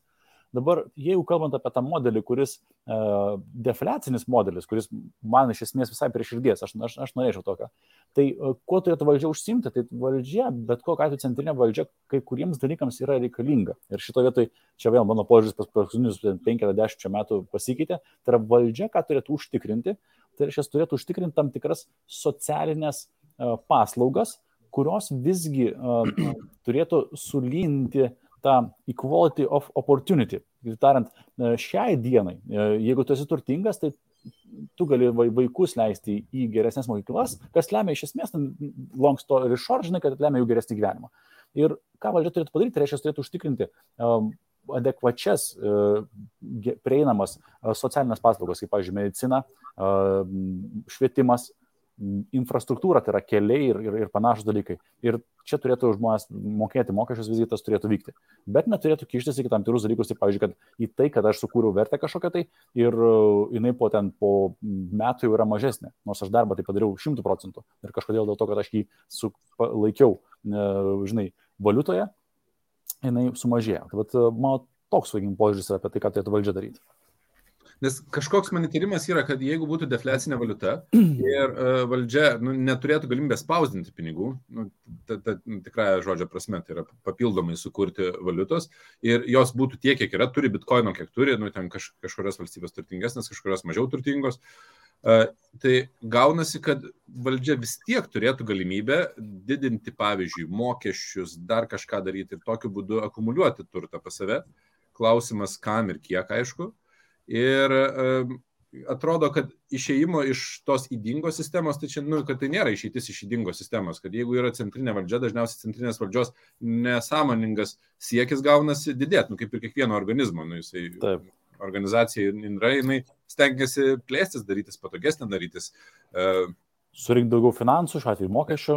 surinkti daugiau finansus, padaryti daugiau funkcijų, padaryti daugiau ir, nu, klausimas, kur efektyviai veiktų, kur neefektyviai, bet, e, bet kokiu atveju atrodo tai, kad e, žmonės galėtų e, lygiau kaupti kapitalą, tai yra ir be žinių, tu jeigu taupai tiesiog nu, tą turtą, net neskolini jo, neinvestuoji, jis jau kaupėsi ir nenuvertėja, atrodo vis tiek, nu, gal labiau priimtina ne, negu nepriimtina. Nors aš puikiai suprantu, kad tiek viena, tiek kita sistema turi savo pliusų ir minusų ir apskritai taip staigiai pereiti iš vienos į kitą, tai nu, čia jokių šansų nėra. Jo. Bet čia kažkaip aš vis tiek grįžtu prie to, kad e, aš su, suprantu, ką, ką kalbėjot, kad skamba visai tikrai logiškai ir būtų visai įdomu, jeigu tai būtų, bet dabar ar neįsigimtų vėl kažkaip, tai, nes iš esmės mes dabar turim tas pačias galimybės, tai tu taip pat gali edukuotis, e, mokytis ir turi visą, visą, visas įmanomas galimybės susikrauti iš principo kapitalą ir Ne visai, gintarai, žiūrėk, ne, tai ne visai tiesa, tai kad visi turi, čia žinai, bet aš toks irgi taip pat pa, pa, kaip socialistas, žinai, pakalbėsiu, ne visai visi turi galimybės mokytis. Žinai, tai, tai Irgi, pažiūrėk dabar. Jeigu tu turi internetą, tu turi galimybę mokytis. Kamon, ne, jeigu tu augai tokioje aplinkoje, kur nėra to, kad, nu, tose kultūros mokintis, jeigu tavo ten tėvai, žinai, geria, visa kita, tai Tai, žinai, mūsų aplinkoje burbuliukė, kur jam gyvenama, jo, čia visi viską turi, bet tarkim, įsivaizduok, ten, žinai, e, šeim, šeima tenais užaugo, kaimukė Lietuvos, ten per daug niekas į mokslą nežiūrėjo, nes visa aplinka, visa šeima sakė, ką tu čia mokinsis, čia nesąmonė, eikim ten, žinai, į kaimą taip toliau panašiai. Visai kita kultūra ir žmonės. Nu, lygiai tas pats atrodo, kad... ir, lygiai tas pats būtų, jeigu žmonės to, to, to, taip pat jie irgi nekauptų kapitalo, nu, tai ir kitokioje sistemoje. Matai, jie ta, ta, kai kurios įgūdžius tai turi, net ir tie žmonės, kur kaime ten pasidėti ten šimtą litrų į pagalbę, taupyti tai turi. Nesizduok. Jie mokytis tai ne, ne, neturi įgūdžių. 1 procentų infliacija reiškia, kad e, per 10 metų netenka pusę savo vertės. Ta, daugiau netgi. Tai, nu, come on, nu, tai prasme, kad kiek tu taupai, tu pusę vertės netenki per 10 metų, per 20 metų dar pusę vertės, nu ir... E, tai, tu, ir, Įdomi statistika, dabar įlindau į Lietuvos banką, tai e, kiek gyventojai laiko pinigų indėliuose, tai yra 3,7 milijardo eurų. Lietuviai laiko 3,7 milijardo euro indėliuose. Tai, e... Na, tai indėlis yra ir sąskaito pinigai esantis. Tai čia, nu, ne, nėra. Čia tik indėliai oficialiai. Čia tik indėliai, oficialūs indėliai. Taip. E, o, ir 2020 m. E, spalio mėnesį lapkričio mėnesį laikė 3,8 milijardo. Tai 100 e, milijonų mes jau išėmėm iš indėlių per metus laiko. Tai gal po truputį ir e, žmonės supranta jų. Gazdinimas. Aš šiaip ir iš dalies sutinku ir su Gintaru, kad e, mes, jeigu nu, pasiemam, tarkim, uždirbam pinigus ir uždirbam juos, nu, bandom uždirbti ne fiat valiutą, o ten kokį nors bitkoinų, nu, arba auksu, nu, kad ir kuo, nu, kažkokius skers esate tokiu, kuris yra ribotas. Riboto, jo.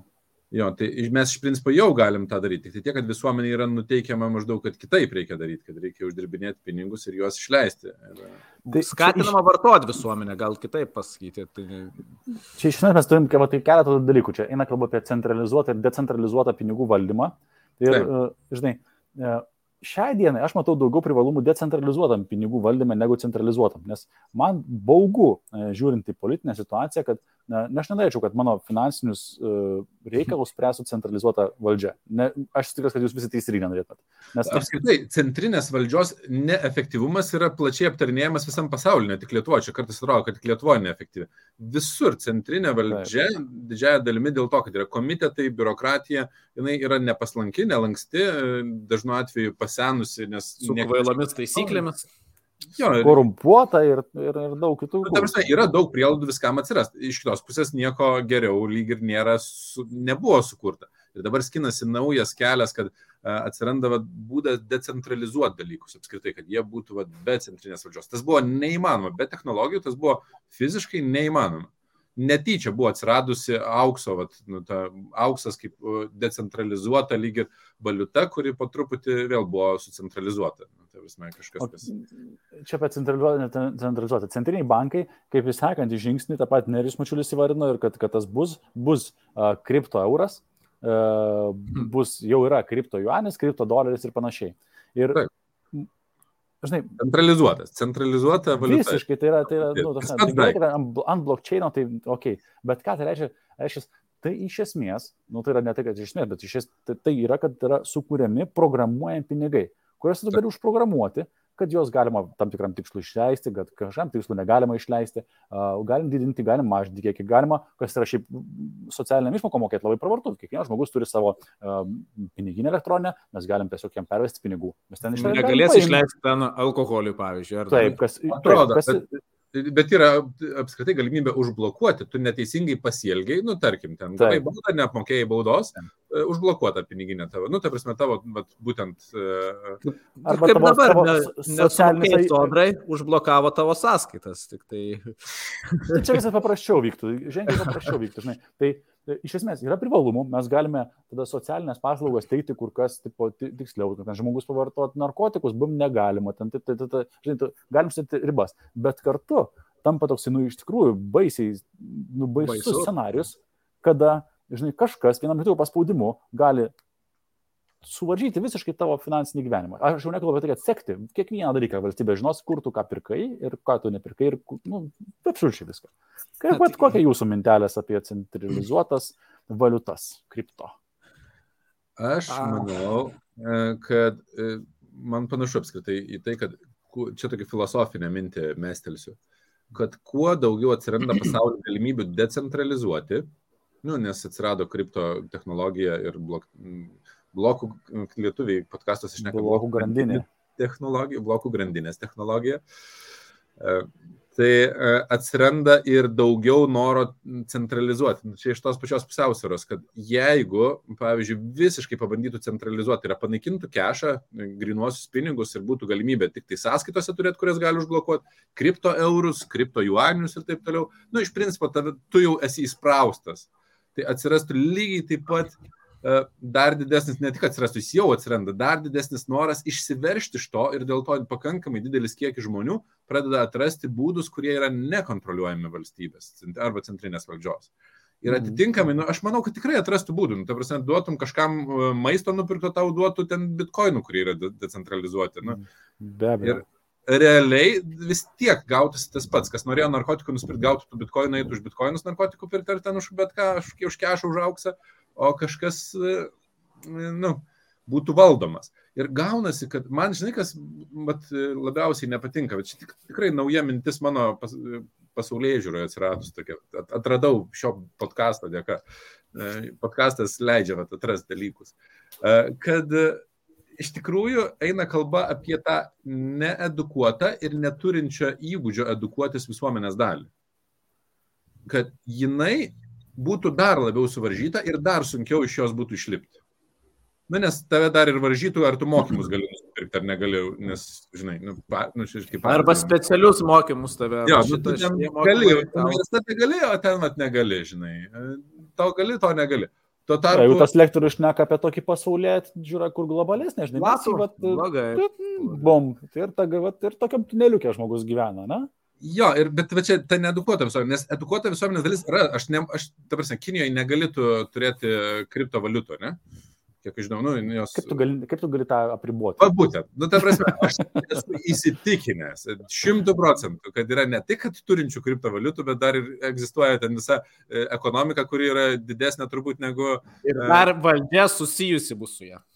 Taigi, e, Kin, Kinijos pati valdžiagi turi, turi holdiną, beros, tausiai ten nemažą kiekį bitkoino. Jeigu ten koindės, kas teisingai rašo, ten, ten labai nemažą kiekį.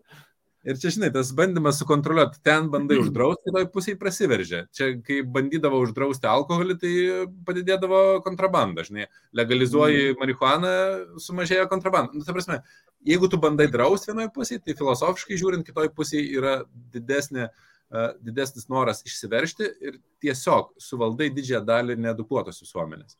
Kai tuo tarpu, jeigu leidi patiems valdytis, tai atsiranda galimybė visiems, nu, ne, nu, nebe segmentuoji visuomenės, ne, nesegreguoji, ne, neišskirsti jos. Tai man atrodo, kad šita vieta yra e, e, irgi toks paradoksas. Šiai dienai stengiamasi kiek įmanoma daugiau tos įvairovės, diversity vest, nu, lyčių pakraipos, seksualinės ir taip toliau, nuo iki Mhm. visur.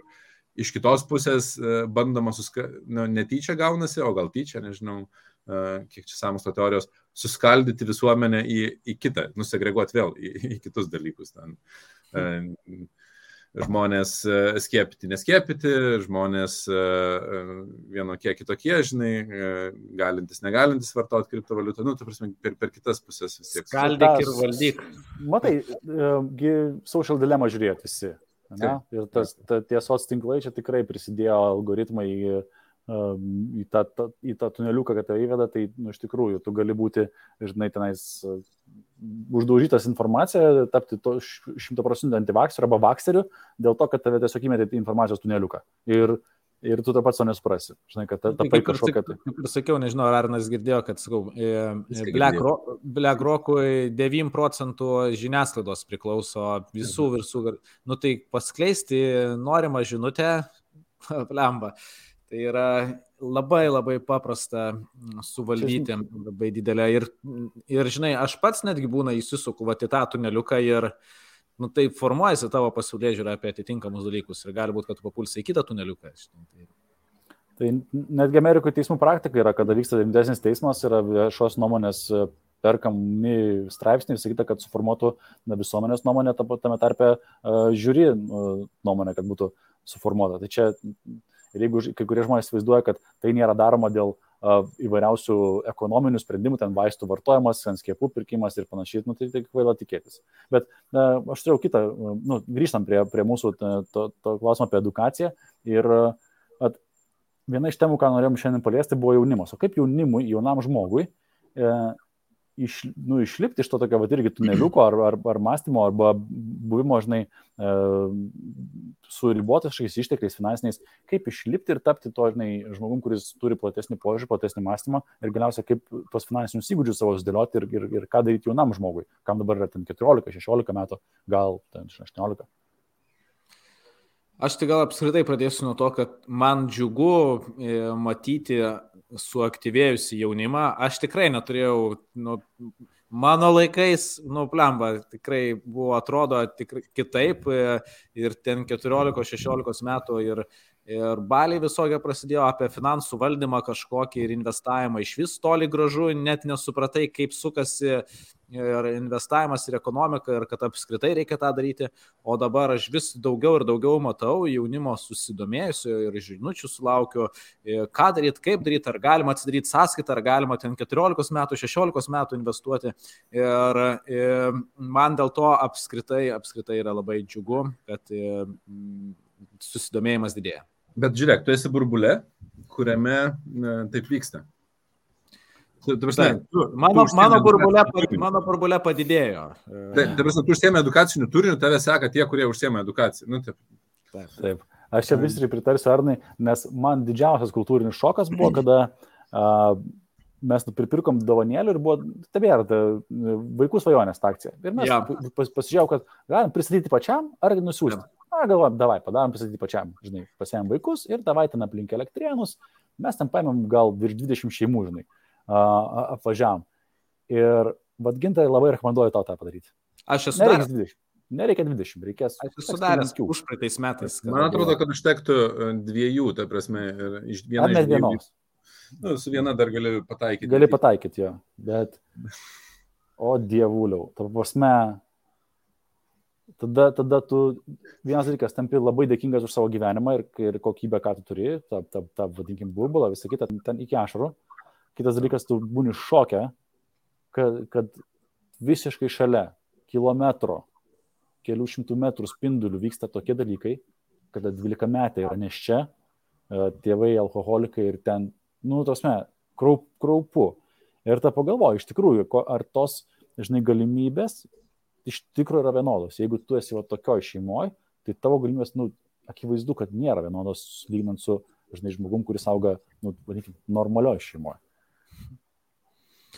Jo, aš, aš žinau šitos jausmus, aš prisimenu, kai ten elementariai padovanoji e, riedučius ar mėgstinį e, ir kad tų dalykų, nu, ta prasme, man buvo toksai, aš grįžau po tų vaikų svajonių pildymų labai, e, nežinau, samišių tokio, tokių galvoj ir ir, ir turėjau stiprius, stiprius apmąstymus. Bet vis tiek liksiu prie e, savo nuomonės, kad e, faktas, kad yra dal, dalis žmonių, kur galbūt neturi galimybę arba sunku e, jaunimui apskritai apie kažką kalbėti, yra kitų problemų, su kuriomis reikia sutvarkyti ir, ir labai sunku jas spręsti, nes nuo tėvų labai daug kas priklauso. E, bet bendrai paėmus, e, kad ir mano burbulė, ir ieško žmonės ir netgi ieško, aš man yra parašiusių, kur e, turi patiria ar ten smurto vaikas šeimoje ir sako, kaip man įsukti, ieško žmonės sprendimų. Ta prasme, internetas ir gal, galimybės su, sukuria šiek tiek daugiau ir e, ne visą laiką pasiseka, ar ne visą laiką nu, sugalvoja, ar ieško kažkokiu būdu. E, kaip tam pasakymė, yra, buvo tėvas alkoholikas ir turėjo du sūnus, vienas prasigėrė, nes visą laiką sakė, kad jo tėvas yra alkoholikas, kitas gyvenime nevarto alkoholio, nes jo tėvas buvo alkoholikas. Sunku, bet pasirinkimai vis tiek yra. Aš, ne, aš manau, irgi Lietuvoje žmonės gali pasiekti, nu, prasme, ir vaikai gali pasiekti tą edukaciją, bet e, karta dar ne vienam turi nuvilnyti, kad pradėtų, mano galva, nes šiai dienai vaikai mokosi iš tėvų, bet jeigu tėvai nu, asocialūs, tai iš tėvų nesimokinsi. Mokinsis iš ko? Iš trenerio, iš mokytojų, iš dar kažko. Jūsų laikais, kai jūs mokėtės mokykloje, mes biškai skir, truputį skirtingais laikais mokėmės, gal sužilinamės panašiaus, gintaras vėliau mokėsi. Bet mokytojai buvo tie, kurie skatino domėtis investicijomis ir a, aš žinau atsakymą, kad tikrai nieko nebuvo panašaus net, tai prasme, ėjo kalba apie tai, kad dings tavo visi pinigai ir ten... Sekundės vaikai. bankas, kas ten Taip. dar, žinai, nu, tau... Nu, buvo tie laikai. Kalbam. Tavo laikais, gintarai, kai tu mokysi, jau buvo mokytojų, kurie skatintų investuoti. Dar nebuvo. Aš manau, kad dabar yra. Aš, aš yra. esu įsitikinęs, tikrai. Dabar aš jau. Žinau, kad yra. Yra tikrai ne viena mokytoja ir mokytojas Tuose, vien, viena aš esu buvęs mokyklose, kur pasikeičia mokytojai arba patys mokiniai, kur turi iniciatyvinės klases ir tas vyksta, tas pats projektas digi, digi klasė, nu tai tarsi, tas vyksta. Bet, bet digi klasė yra mokamas, nemaišykime. Ne, ne, ne jo, tebu nemokamas, bet kas vyksta, tai reiškia, kad jeigu tavo klasiokai keli yra digi klasė ir vienas, nu tai tu irgi papasakoji Hebra, žinai, kad tie, žiūrėk, čia galim tą, na, tai aš darytų YouTube'as galų gale dabar, kad tau neišmestų turinio apie bitkoiną, nu turi būti gerai atsilupęs, ne, kad nu, nepamatytum. Taip. Nu, tai... Aš, pavyzdžiui, aš buvau labai nustebęs, gerąją prasme labai nustebęs. Aišku, čia yra visiškai kitas segmentas, bet uh, susitikau su dukterėčia per gimtadienį, jai 16 metų. Ir jos klausimas man buvo, o kaip veikia blokčiaino technologijos ir bitkoinas. tai, ta prasme, bet tai yra segmentas, kuris mokos. Čia, nu, tai, tai nėra, bet tai džiugina. Ta prasme, kad buvo mokykloje pamoka, kurioje atėjo, tiesa, jis sakė, kad nesugebėjo tinkamai paaiškinti, nes sako, nesupratau tiksliai kaip veikia, bet sako, žinau, nu, šnekėjau linkėjimai tau, jeigu žiūri, bet uh, girdėjau, kad, nu, vat, tu ten užsiemi, tai kaip ten veikia viskas. Ir mes valandą laiko prašnekėjom apie bitkoiną ir blockchain technologiją, blokų grandinės technologiją. Atsiprašau. Mm. Ir, žinai, ir čia tokia vat, nu, įdomi vieta ir problematika aš matau vienoje vietoje pagrindinė. Nes jeigu asocialus žmogus, va, tokiose valstybėse kaip Lietuva, nu, arba tiesiog pažangesnės, aš jau Lietuvą priskiriu prie pažangesnių, sutinku su to, ką Žilnas sakė, kai aš buvau offline, kad vis dėlto mes jau pakankamai gerai gyvenam. Jau turi mokytojų, kurie edukuoja, tai labai dažnai vis dėlto mokytojai nukreipia vaiką į um, centralizuotą mokymosi sistemą. Centralizuotoje mokymosi sistemoje dažnai informacija, beveik visada iš tikrųjų, yra pasenusi. Tai yra nespėja pasivyti laiko, kaip viskas vyksta. Ir vat, įdomus kampas yra tai, kad, pavyzdžiui, universitetuose informacija iš principo yra labai mažai vertinga lyginus su tuo, kaip būdavo anksčiau, nu, nes jin pasensta tiesiog kalbaigia, nu, ten apie visus dalykus. Ypač jeigu žiūrėsim mažesnės uh, mažesnio reitingo universitetus. Bet vis dar labai aukštai vertinamas akreditavimas pačių oficialių mokslų. Yep. Mokykla, universitetas ir visi kiti dalykai. Ir iš principo tu mokaisi ne dėl žinių, o dėl akreditavimo, kas yra vėl senoji sistema. Ir šią dieną kiek, kiek rūpi tas diplomas, nu bent jau, nežinau, paskutiniu metu taip pat. Mūsų burbulė nerūpi. Mūsų burbulė nerūpi. Bet jeigu paimsi e, valstybinį sektorių ar tam tikras sritis kaip medicina teisė, nu, tai netgi sudėliota taip, kad be to tu kažį ar kažkur turėsi darbą. Nu, medicina teisė turbūt ir bus tos sritis, kur turbūt ja. ir, nu, nelabai jo, kur be ne daugiausiai. Matai, te, teisė ir nėra toksai, vadinkim, greit besikeičiantis dalykas. Pakankamai jo, ten, ten, ten, be ne daugiausiai lėti procesų. Jo, ten, ten aš sutinku dėl teisės, taip. Pavyzdžiui, kur medicina, tai va čia, čia jau medicina žinai, diskusija. Irgi, taip, tai kai kurie dalykai, taip, biologija nes, nekinta, bet, žinai, požiūris į, į gydimą, požiūris į, į kaip galim būti tą, tą pat atlikti, tai jisai tikrai keičiasi. Ir tas nueiktų į valstybinę ligoninę ir į privačią ir, ir, ir puikiai matai. Viena iš naujų vietų, kur galėtų būti įvesta decentralizacija, tai būtų žinių akreditavimas. Nes dabar visą tai turi e, universitetai savo rankose arba nu, tam tikros oficialios mhm. centralizuotos įstaigos. Ir tai reiškia, kad jeigu tu įgyjai žinias pats, Nu, pavyzdžiui, va, tas jaunuolis iš trečiosios šalies kažkokios įgyjo, ar ten jaunuoliai įgyjo žinias, jisai e, negali būti pripažįstamas, kol neturi akreditavimo, o akreditavimas kainuoja, nepaisant to, kad žinių tau nebereikia. Matai, ar ne, va čia kas gaunasi, kad iš tikrųjų va, internetas čia pagelbė ir tokie kaip Khan Academy ar ten Coursera ir panašiai, kad nemažai darbdavių šią dieną ne tai, kad juk esmė yra tos akreditavimo, ar tave priims darbdavys. Nu, iš esmės, tai yra bendro konsensuso, visuomenė? konsensuso, vis, visuomenės konsensuso klausimas. Ir šiai dienai konsensusas juda link to, kad jeigu tu išsilaikai korseros e, testus akreditacijas, kur ten kainavo kursas ant 100 eurų, tai didžioji dalis, aš kalbėsiu apie modernius IT srities darbdavius, tai jie tai vertins ir labai aukštai. Ten bus Microsoft, Google sertifikatai, tai nėra centrinės uh, universitetinės, va, reiškia, vietos uh, akreditacija, bet, bet tai Bet, bet leidžia vis dar vėlgi... centralizuota. Vis dar centralizuota. Nu, ta prasme, Google'as turi vertinti. Ta prasme, e, aš nenoriu. Nu, tai Google šiuo atveju yra mega gigantas, mono, ultra monopolis, ne, kur... O universitetai ne? Prasme.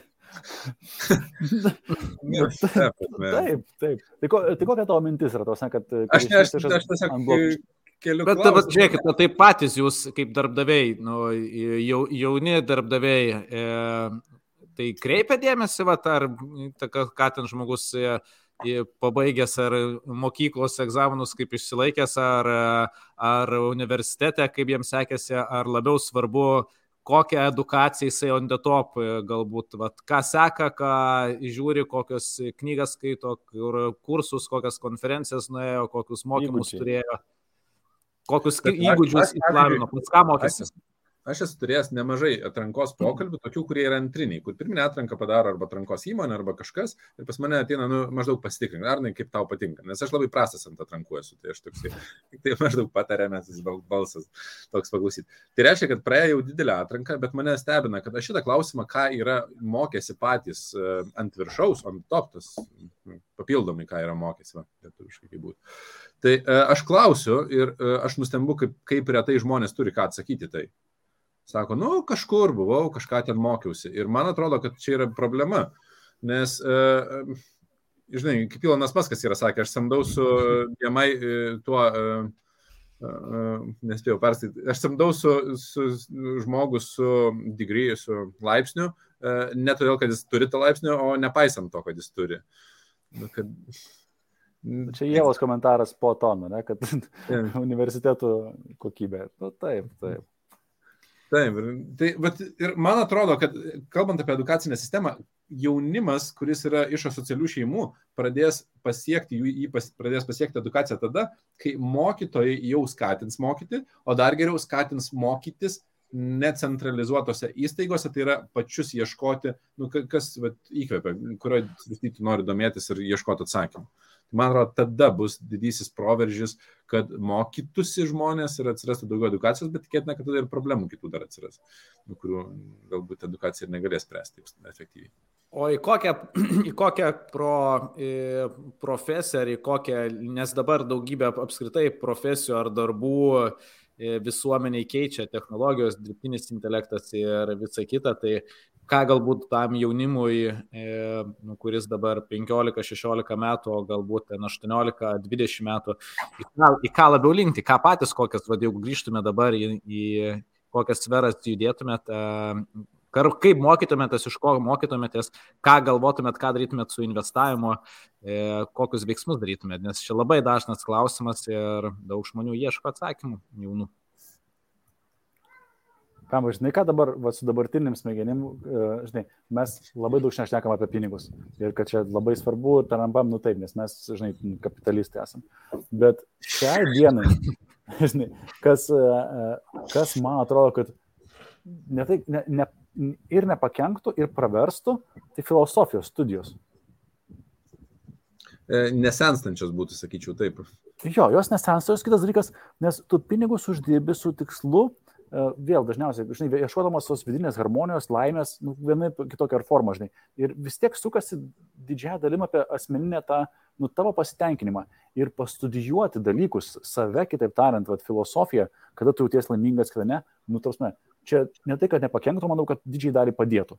Ir tu su, su filosofijos su studijom, iš tikrųjų pasigilinęs ten į didžiuosius ten, ten darbus, ten seneką, taip toliau, suprasdamas vienokią ir kokią filosofinę e, kryptį, religijų kryptis įvairiausias, aš manau, kad tu būtum, nu tikrai labai stipriai pasiruošęs judėti į kažkokią vieną ar kitą kryptį. Ir šiai dienai, žinai, gerai, tau yra, tarkim, 15-16. Tai tu gali imti ir išmokti kažkokį tai vieną įgūdį. Po 15 metų greičiausiai ta profesija bus jau ten, nu, senstelėjus ir kažin ar bus bereikalinga. Tau reikės, šią dieną matau, kad per gyvenimą normalu bus pakeisti 3-4 profesijas kardinaliai skirtingas. Oficialiai netgi yra dabar taip e, skaičiau ne kartą e, oficialius straipsnius ir tyrimus darytus, e, kad e, žmo, žmogus panašiai ir bus, ne, kad keis apie 3-5 profesijas per savo gyvenimą. Tai dabar, nu, tai reiškia, jaunimo atveju per daug, kaip sakant, nesiparinkit ir nesigrūzinkit, kad va, čia tą, ką dabar, ką ir ten sako, oi, reikia gerai baigti universitetą ir mokyklą, nesistos ir va, tą jau dirbsite gyvenimą. Nevelniu, jūs nedirbsit visą gyvenimą to, ką jūs ten mokytės. Jūs padirbsit kažkiek metų, paskui po 10, 15, 20 metų visiškai pakeisit greičiausiai karjerą, kažką naujo išmoksit ir paskui greičiausiai dar, dar kartą, dėl to, kad ir gyvenimo trukmė ilgėja. Ir pasidarys galbūt neįdomu, arba ta, ta profesija taps nebevalidi. Jūs uh, tikrai esate skaitę tyrimą apie um, tą progresiją, kad žmogus negeba suvokti nelinijinės progresijos, o eksponentinės progresijos. Mhm. Kai, kai mes suvokiam, jau būna per vėlų viskas. Aš neprisimenu, man atrodo, kad tu, Žilnai, kažkada esi dalinęsis tais tyrimais, bet turbūt net kažčiau dabar linko. Bet pati idėja yra, kad mūsų pokyčiai visuomenės vykstantis dabar yra eksponentiniai progresijai. Ir jeigu kažkada užteko vieno darbo per visą gyvenimą ar ten dviejų darbų per visą gyvenimą, dabar skaičiuojama ten 3-5, jau labai greitai artimoje ateityje mūsų vaikų kartai arba net jaunuolių dabartinių kartai gali būti, kad teks darbus keisti kas penkerius metus. Darbus tai turiu menį, nu, ką veikia ir, ir, ir kaip veikia. Kartais atrodo. Kur veikia? jo, tu gali būti lyg ir marketingistas tas pats, bet tai, ką tu veikiai prieš dešimtmetį ir ką veiki dabar, tai nėra tas pats. Nes tiesiog įrankiai pasik, nu, tu lyg ir tą patį darai, bet visiškai. Tai va, labai geras pavyzdys. Marketingas prieš dešimt metų tai buvo skrajutas ir panašus dalykai, šią dieną tai yra nu, socialiniai tinklai iš esmės. Na gerai, prieš dešimtmetį jau buvo gal atsiradę socialiniai tinklai, bet tikrai netokiam lygmenį ir, ir tikrai nebuvo konversijų specialistų ar ten dar kažkokių, žinai, taip, tokių. Taip, taip. Uh, Funnel hackerių ir panašiai. Yeah. Visiškai pasikeitė. Ir va čia ir man, žinai, e, yra įdomi, e, įdomus kampas, kad mes nelabai galim suvokti, kaip ateityje vystysis mūsų galimybės dirbti arba nedirbti galiausiai, nes aš net nesu įsitikinęs, ar mano vaikams teks vat, toks darbas, kaip mes dabar suvokiam, kad dirbam darbą, kad gautų atlygį, nu mes suvokiam, kad dirbam, kad uždirbti ir po to dar investuoti, kiti dirba, kad uždirbti ir išleisti, nu čia jau pasirinkimo klausimas, kas vyksta, ar ne. Bet ar tikrai teks toks darbas, ar darbas atsiras toksai, kad dirbti dėl to, kad e, pilnatvė jausti, nes e, pajamos iš principo bus įmanomos dėka kokio nors Universal Basic Income, e, UBI, nu to universalaus bazės. Ar apskritai reikės dirbti? Jo, ar nebus taip, kad didžiąją dalį darbų už mus nuveikia ir taip toliau. Tai aš sutinku su Žilvinu, kad filosofija, aš pridėčiau psichologiją, pridėčiau savęs pažinimo, net nebūtinai centralizuoti kažkokie mokymai. Nu, ta prasme, apskritai, judėjimas link savęs pažinimo šiai dienai atrodo labai aktualus, bet ir taip pat netmesti tų sričių, kurios šiaip yra įdomios. Tiesiog, nu, jeigu jau save pažįsti ir randi sritį, kurį įdomi, tebūnė medicina ar teisė, bet bet kuri. Nu, tai ir, ir lyst, ir, ir tiem dešimčiai metų į tuos mokslus, ir kodėl ne, jeigu, jeigu domintis rytis. Uh, Bet uh, turbūt svarbiausias dalykas tai uh, leisti savo atrasti. Tai reiškia, kad pasidaryti pauzę, nu, mes ant tiek skubam gyventi. Man čia patiks labai populistinė mintis, bet uh, Gary B, Gary Vaynerchuk uh, mintis, kad jeigu tu žinotum, kaip viskas atrodo, kai tau būna 40 ar ten kažkiek, nu, aš patartėjau to. 40, kad ir kaip keistai beskambėtų. Ne? Tai uh, suprast, suprastum, kad e, būdamas 20, tu ryškiai per daug skubi. Nu, tipo, kad iš principo gyvenimas, ta prasme, ir pasiekus labai smarkiai, smarkiai nepasikeis ir tiesiog tu per daug skubi, per daug nekantrus esi visko gauti čia ir dabar, nes mm, ramiai pažįstant save, suprantant, ką nori daryti, atrodo, kad e, gal net ir geresnis kelias gali būti, arba bent jau tvaresnis, tai tikrai. Hmm? Aš manau, kad e, grįšiu prie tos, e, kad šiai dienai informacija, jeigu tu turi internetą, iš principo, tai gali kiekvienoje tau bent jau kažkokioj sferoje, kuri tau yra įdomi, o ar įdomi, tai galbūt pasikalbėti su kažkokios sferos atstovu arba su įmonė kažkokioj dirbančiai, kur, kurioje galbūt norėtum dirbti, ar versle, ar amate, pakalbėti su žmogumu, kuris yra toj veikloje ar sferoje ir pasiklausinėti tavo aktualių dalykų ir įdomių dalykų ir pasižiūrėti, ar tai, kaip tu įsivaizduoji ir kaip yra realybėje, yra e, su, sueina. Ir jeigu sueina, tai ieškoti informacijos, mokytis e, tiek internete, tiek eiti galbūt į mokymus, tiek eiti galbūt mokytis pas tuos žmonės ir judėti link to dabartinio noro, bet kaip ir kalbėjo, tikėtina, kad po kažkiek laiko augant ir tobulėjant pasikeis, norėsi naujų dalykų, kitokių dalykų. Aš net, aš net pridėčiau, kad net jeigu sueina tie galai, nu kaip tu nori kaip gaunasi, tai žinau, kad ateityje vis tiek nesueis, nes pasikeis profesija. Lankstumas šiuo atveju, man atrodo, yra svarbesnė savybė 21 amžiui, judant link 22 amžiaus. Ir ap, apskritai, aš gal taip siečiau viską daugiau su glo, globaliai, mes einam tikrai į globalų, globalų pasaulį ir stengčiausi ieškotis veiklų ir žiūrėti į veiklas, kur aš galėčiau nebūti pririštas galbūt prie e, tos pačios e, darbo vietos ar e, kažkas, kas būtų susijęs su internetu, su online, su e-komercija, galbūt su priekyba, su...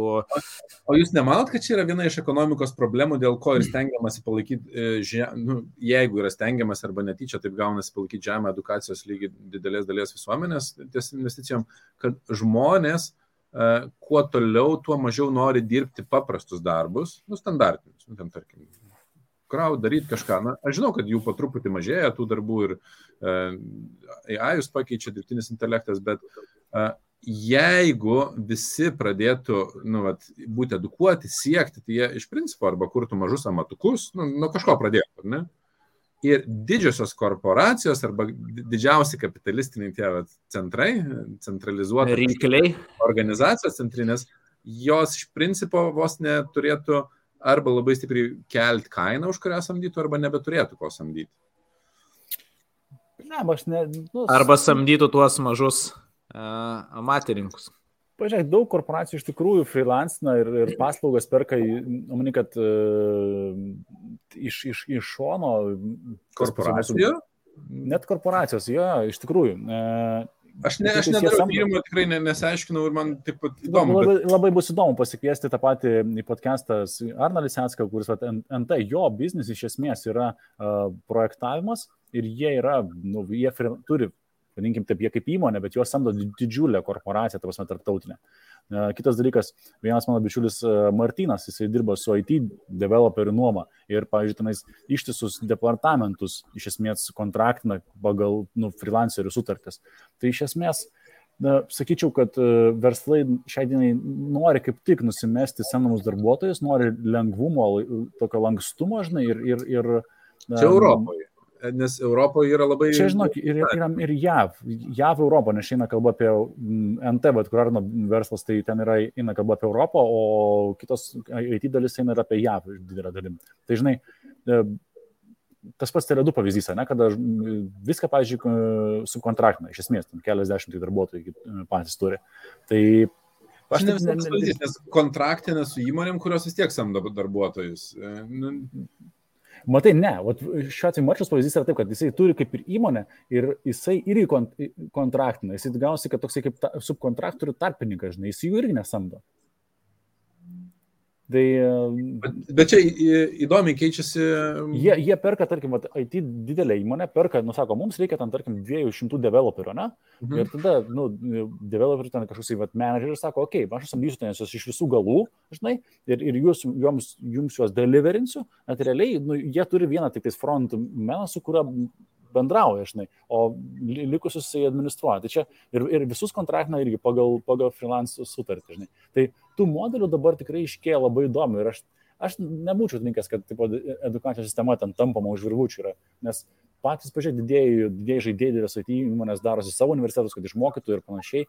Ir, na, nu, čia sakau. Aš, aš apskritai šiaip esu prieš samokslo teorijas. Aš manau, kad didžiaja dalimi, kur žmonės sako, kad yra samokslo teorija, tai tiesiog, kai nutinka aplinkybės, tai tie, kurie yra e, labiau edukuoti, protingesni, didesni, turtingesni, nu, pasinaudoja tam aplinkybėm. Nes, nu, taip, taip. Aš tai sakau, čia tiesiog samokslo teorijas labai paprastai išsiaiškinti, follow the money. Sek pinigus ir viskas bus aišku. Pasižiūrėkit, kai kurie dalykai uh, skamba kaip samokslo teorijos, bet tiesiog taip jau eilę metų, žinai, tai yra. Čia per, dar Lietuvoje, kol buvom važiavom per radiją, išiškėjo, kad e, ten daugiausia vaistų parduoda tos įmonės, kurių med atstovai ten, žinai, išdalina apie ten 4000 eurų per mėnesį įvairiausių ten bonusų medikams.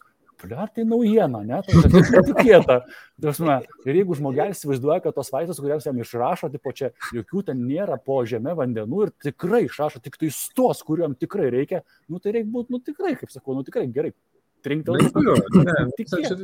Tai yra mažai edukacijos ir atsiranda daug naivumo. Ir, ir, ir tada sako, čia samokslas, čia, žinai, papirkinėja medikus. Nu, čia tas egzistuoja jau dieve brangus, kiek metų, čia net oficialiai vadinasi profesija med atstovas, kuris tą daro važinėje, papirkinėja medikus. Tai Je, jeigu, jeigu yra spraga įstatymuose, kažkas tenksis tą spragą išnaudoti. Bet tai žiūrėkit, ir prieinam prie to, kad apskritai, būnant vat, jam jaunam žmogui grįžtant prie temos, reiktų kuo labiau plėsti tą pasaulyje žiūrą ir galbūt net nesifokusinti tą siaurą kažkokią sritį, bet čia va, tas savęs pažinimas, pasaulio pažinimas, ekonomikos pažinimas ir, ir plėtimas požiūrio apskritai. Nuolatinis life learn, lifelong learner. Nuolatinis turi nuolat mokyti. Nes tai ir suteis tau galbūt tam tikrose vietose galimybės, tam tikrų atveju tu pasinaudosi atitinkamų ir, kaž, ir panašiai. Tu o, matysi tiesiog. Visą, visą gyvenimą tu mokytis gali tik tada, jeigu tau patinka tai, ką tu mokais. Jeigu tu nu, nekankiniesi, ne nes vat, kas vyko su universitetais, kad žmonės prasikankindavo. Nu, tikrai aš turiu ir, ir pažįstamų, kurie prasikankino ketverius metus universitetuose. Bet tavo žmona, pavyzdžiui. Nu, su teisės studijom. Nu, tau... Tai ten ne keturis, ten daugiau. Bet, Kaip pagodė iš karto. iš karto ramiau, ne? Bet vat, gaunasi, kad toliau nesinori mokytis, nes atrodo, kad visi mokymai, bet jeigu tu pasiemi sritį studijuoti, nu, tai aš žinau, kad tikrai ir juda būdu esat kartais užtinki kokią nors gyją informacijos, nu, kažką naujo tokio įdomaus.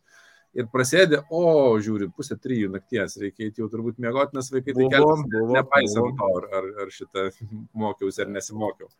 Negalėsiu sakyti, kad čia aš ne Netflix'ą žiūrėjau, čia aš mokiausi, čia pamiegokit vaikai. Tai... Ne, tai toks vat, atsiranda, mano galva, žmonėms atsiranda galimybės šiai dienai iš tikrųjų sekti savo įkvėpimu, nu ten, kur tau įdomu mokytis. Nu. A, tai, sekit, manau, kad mes galime dėti pabaigą šiandien.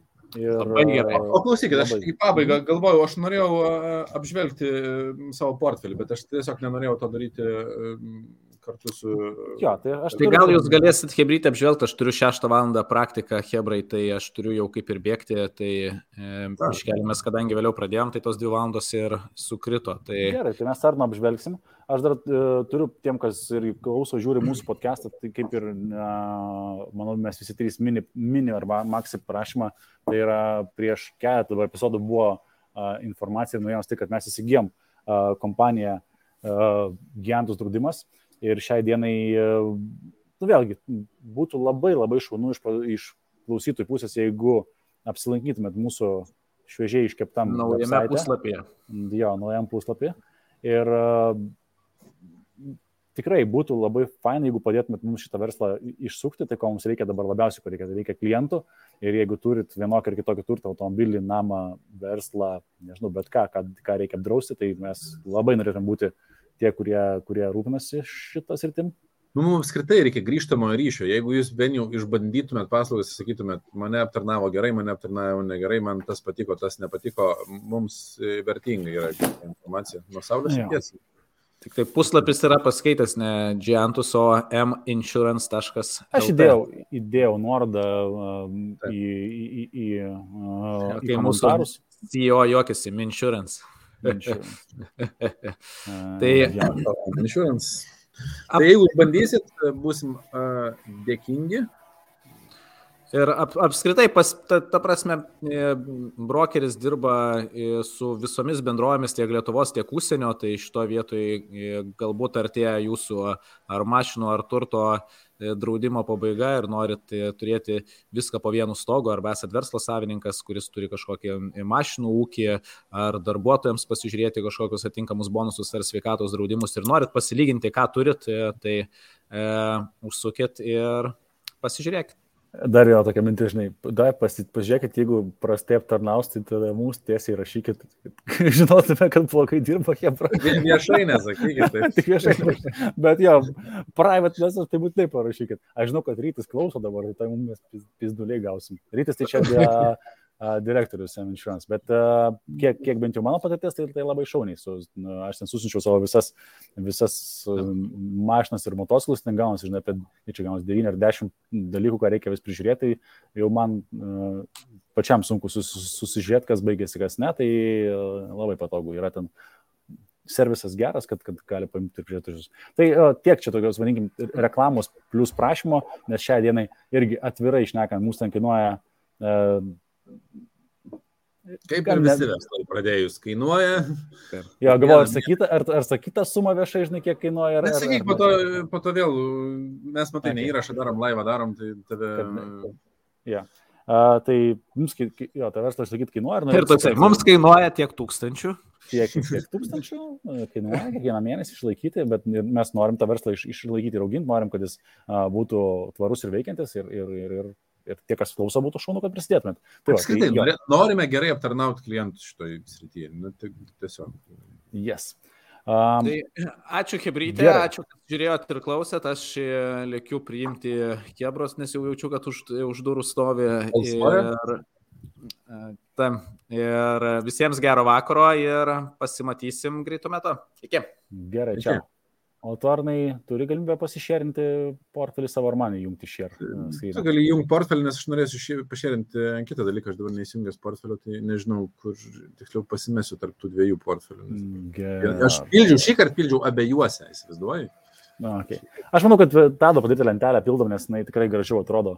Ir gerai. Jo, jo, tai be jokios abejos. Aš tarp kitko, atsimenu, mes šnekėjom, kad aš gal ten suvienodinčiau lenteles ir po to atsisėdęs vienodinus, supratau, kad aš nežinau, kaip įvesti pardavimo ten kažkokio daikto, nu, nes tai lentelė nepritaikyta, tai labai gerai, kad tada sukūrė, ačiū tadai, nes iš pirmo karto prisėdęs sugebėjau užsipildyti ir, ir įrašyti.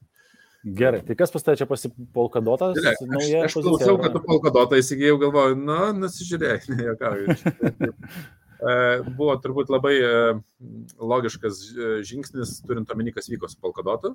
E, Vienintelis esminis skirtumas, apie kurį norėjau pakalbėti, aš par, pardaviau polkadeksą ir e, pirkau Mhm. polkadotą, kas iš principo iš tos pačios ekosistemos, tą pačią ekosistemą e, yra pinigai, aš iš ekosistemos neišvedžiau. Kaip jau sakiau praeitą kartą, polka dekso e, pirkimas man iš principo nepasteisino, sakysit, taigi pasteisino, uždirbo ten beveik 100 procentų, bet nepasteisino ta prasme, kad aš tikėjausi, kad kol kaip, kaip pol- polkadotas auks, kad polkadeksas auks e, greičiau, nu, kad daugiau auks. Bet augo tiek pat. Yra projektų, kurie užaugo daugiau, greičiau negu pats tos ekosistemos. Tai jis įsigausi, kad polkad- polkadeksas lyginant su Fiatu, jisai augo, bet nu, su Fiat, Fiat valiutomis. Taip, siauru, bet ir polkadotas augo, matai. Nu, Norėjau taip, jeigu polkadotas augo 2x, tai kad polkadeksas augtų 2,5x ar ten 3x. na, va Toks, mano siekis buvo. Bet taip neįvyko. E, Ir e, kadangi e, atsidarė paračiainai šito, tiksliau auk- aukcionai paračiaino polkadoto, tai buvo labai logiškas žingsnis į ten eiti. Ir e, skirtumas tas, kad tu e, polkadotą užsteikinai, aš vis dar iki šiol e, maišau žodžius stek ir steik. Steik už stack, stack, stack. Man atrodo, kad užteik. Proof of stack. N- e, Taip. Stack kaip kad krūva, kaip stack. Krūva. Parašykit, kas komentaruose mus taisot, parašykit kas nors komentaruose. stacking, čia daug kartų. Okay. Na gerai, Matai, bet, Aš, aš ne mūsų žaidimui, bet aš nusipirkau ir, ir nu, tas, aš įėjau į keletą paračiai auctions. Į kuriuos jie, O, dievulėliau. Nes aš, aš, aš pakankamai... Moon River ir uh, antras iš A raidės. Akalą. Kaip? Taip, Ir akalą. Yra Mhm. kala. Moon Riveris yra kala. Tikriausiai man bent jau pasirodė iš tie, iš, iš tų, kur verta. Tai jie, ta prasme, no-braineriai, tie, ten buvo du no-braineriai, kur reikėjo, net gal trys no-braineriai ten yra. Tai aš savo portfelį irgi plačiau paskaidžiau, bet kadangi e, čia yra mažas biudžetas ir aš turėjau ne- nedaug e, tų laisvų lėšų, tai aš nusipirkau šešis polkadotus, 6,5 polkadoto, 6,7. E, 0,1 dar kainavo man jų persivedimas iš viso to. Ir um, 5,5 polkadoto aš uh, uh, pa, paskyriau aukcionui, tam, tam viešam launui vadinamam. mhm. į Akalą ir aš e, šitam projektui, aš pamačiau, kada mes jį baigsim, galvoju, nes čia dviem metam šitą investiciją. Tai, nu, tebūnė, žinai, galbūt unlockins, atrakins ir anksčiau, bet mažai tikėtina, tas nebent projektą suprogramuotų ir paleistų greičiau, kas yra, nu, labai Bet, žinai, aš ir norėjau parodyti, kad yra įmanoma įvairių dalykų. Pavyzdžiui, su, kodėl aš į akalą, aš savo portfelį beskirstydamas pamačiau, kad yra galimybė ir aš akaloj, tu gali leisti man pasidalinti savo ekranu. Ja, to, šitą išjungiam. Šie. Ir ten, kur tiesiog share screenas ir, ir, ir aš mėsiu. Taip, share screen. Gerai, kol Arnas jungia, Uh, žinai, aš Polkadotą ir dabar Savaną ketinu irgi papildyti savo portfelį su tą mintim, kad aš galbūt tiek į paračeinus ar į kažkokius tai projektus, kas suksis ant, ant tų ekosistemų, aš netiek turiu laiko ir noro gilintis ir investuoti, bet man norisi investuoti į, į tą technologiją, ant kurios, pavyzdžiui, kodėl aš į Ethereum investuoju, nes ant Ethereum stovi krūva projektų, ten, nu, tas milžiniškas kiekis projektų, dėl to pats Ethereum įgauna vis didesnę vertę, kuo daugiau ant jo projektų sukasi. Tai lygiai taip pat su Polkadotu ir Solana, kuo daugiau ant jų šitų čeinų veikiančių yra projektų, tai tuo tas e, centrinis visas infrastruktūros projektas, šiuo atveju, nes tai yra infrastructure, vadinkim, tas, tiek, tiek, tiek tas pats Cardano siekia tapti infrastructure. Uh, Jeigu aš dalinu šituo, matai e, mano akalą tą paveiksliuką ar ne? Tam, tam, tam. Ar mane yes. matai? Matau, vad, mes dabar matom akalą. Visi dabar matom. Mhm. Aš norėjau tiesiog iliustraciją, net specialiai pasidariau e, šitam okay. podcastui, kad, kad paaiškinti, kas vyksta ir kad, e, tiksliau, čia yra, žinai, kaip ir visada, ne investicinis patarimas, tikrai darykit savo uh, analizę. Tu, tu ne per krakeną darė, ne? Ne, aš dariau ne, ne per krakeną, per, per krakeną aš apskritai nedariau nei vieno polkadoto uh, šito aukciono, mm -hmm. nedalyvavau. Dariau arba per jų native tą puslapį pagrindinį, mm -hmm. arba dariau per kiekvieno projekto atskirą puslapį. Ir šiuo atveju Akala turėjo galimybę e, dalyvauti e, šitam aukcione, e, iš principo neprarandat Polkadoto likvidumo. Tai reiškia, kad aš kontributinu, nu, paskiriu tuos 5,5 dotų. Tarp kitko, kodėl ne 6,5 paskiriu? Todėl, kad Polkadoto piniginėje, jeigu tai nėra uh, exchange piniginė, jeigu tai nėra uh, tos, kaip exchange, vėl. Keitykla jeigu tai nėra keityklos piniginė, privalo likti bent vienas polkadotas, jeigu nelieka vieno polkadoto, piniginė yra panaikinama. E, ir dėl to atsargiai su polkadotu, čia yra vienas iš polkadoto minusų, nu toksai savotiškas minusas, kad neaktyvius vartotojus šalint ir kad neužkrauti tinklą, kažkaip tam taip yra. Mhm. Nežinau kodėl. Tai dėl to yra penkis. Proof of, proof of stake protokolas to, nu, tas. Sakau, kad stake, proof of stake. Kai, e, ir, žinai, ir ten vienas tas liko ir aš 5,5 paskyriau ir aš uh, paskyręs šitam aukcionui, iš principo balsuoju už tai, kad Akalos projektas būtų paskirta alokacija tam papildomam čeinė, nu, tai yra tam paračeinė. Kitaip tariant, kad jis būtų gyvenintas, labai jo, tai, liaudiškai liaudiškai, bet aš noriu, kad žmonės suprastų, kad nu, bent jau fun, ne fundamentaliai, bet iš, iš esmės kas vyksta. Tai uh, visi turintys Polkadoto, to pagrindinio uh, uh, tokeno, jie gali balsuoti savo tokenais, kurių tu prarasti iš principo negali, jie yra tiesiog įkeičiami arba iki tol, kol tas uh, projektas pralaimės aukcioną, arba jeigu laimės 96 savaitėm. Tai aš įkeičiu, Akalą akivaizdžiai laimės, nes jis yra va, tarptų dviejų, trijų ten uh, favoritų, kaip ir tas uh, Mundimas, Mundiveris. Mundiveris. Mhm. Jo, tai Mundimas buvo ant uh, tos kitos. Uh, Tai susiję, ten tas. Ta... Nu, ta prasme, taigi testnetą jie buvo pasileidžia ant to, ar kaip vadinasi. Kavą. Ne. ne. Tai žodžiu, tai um, aš įkeičiu tuos 5,5 arba 96 savaitėm, arba kol pralaimė, šiuo atveju greičiausiai 96 savaitėm ir aš neturiu jų likvidumo. Ką padarė Akala, nes pats projektas yra apie tai, apie uh, būtent išvestinius finansinius arba kripto vienetus, net ne finansinius. finansinius kripto vienetus. Decentralizuoti finansai. Jo, jie patys apie tai daro, dėl to ir pats įkeitimo formatas leido tą padaryti, kad aš įkeičiu, bet tuo metu, kai jie laimės, aš gausiu ne tik tai uh, periodiškai tuos AKA, jų vietinius to projekto tokenus, kurie kažkiek kainuos ir tikėtina, aš tikiuosi, kad kainuos daugiau nei tiek, kiek uždirbtų mano užteikintas dotas. bet aš šalia gausiu ir LC.dot tokenus, kuriuos aš galėsiu prekiauti, kuriais galėsiu prekiauti ir jų kaina yra lygi doto tokenui.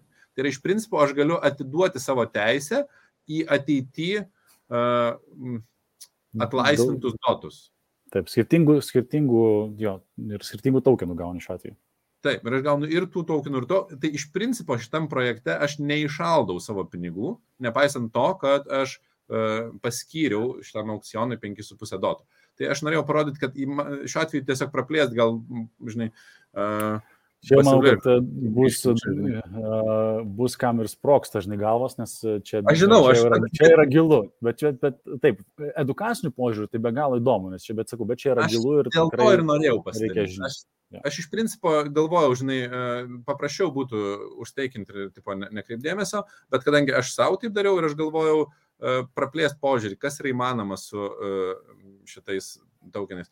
Ir turėkite omeny, kad čia yra dar ne pabaiga, nes kai pasileidžia projektas, tuos viet, nu, ypač jeigu didesnės sumos, nes čia dabar labai mažos sumos yra, nu, tie penki dotai, bet jeigu yra didesnės sumos, tuos vietinius tokenus, kuriuos tu gauni, tu juos vėl gali įkeisti, už juos pasimti kitą pinigų sumą, tą pinigų sumą vėlgi e, naudoti, nu, ne pinigų, tokenų sumą kažkam paskirti. Ir ta prasme, atrodo, kad vos nepasaka be galo, iš kitos pusės išvestiniai piniginiai vienetai su fiat valiuta būtent tą ir daro. Taip. De, diskonto norma vadinasi šitas dalykas. Ir kai pradedi galvoti, kad, na, nu, ta prasme, tik tai tiek, kad šitoje vietoje decentralizuotai pats gali tai daryti, tik tai edukacijos reikia daug. Tai be jokios abejonės, tikrai pasidomėkit, pasianalizuokit, pasižiūrėkit bent jau kokias, uh, žinai, kaip kažkada um, vienas influenceris, tas pats Gary Vaynerchukas yra sakęs, pasinerkit į rabbit hole, į tą uh, triušio urvą, bent kokiai 20 valandų, uh, į YouTube, į ten visus e, tekstus ir galų gale išlysit iš jo kažkiek suvokdami, kas vyksta ir tada galėsit imtis e, sprendimų. O viena iš temų, kur aš netgi ir pasiūliau, kad kada nors pakalbėti apie tai, kiek nežinant, mes esam pasiryžę investuoti, nes aš tikrai neišmanau visko apie tos paračiainus. Šitą vietą aš irgi linkęs esu pakalbėti ir manau, kad, e, o galim kitą podcastą apie tai ir, ir, ir, ir, ir pasidaryti. Daugiau, at, kiek reikia žinoti, kad jau investuotum? Kiek... Jo, čia čia labai, labai teisinga, gera tema ir, ir, ir kada stop. Ir jo, su kripto pasaulis be galo įdomus, be galo ten galim prarasti galvą, kaip sakant. Mano dar kartą priminimas, kad, yra, kad vėlgi būkite atsargus.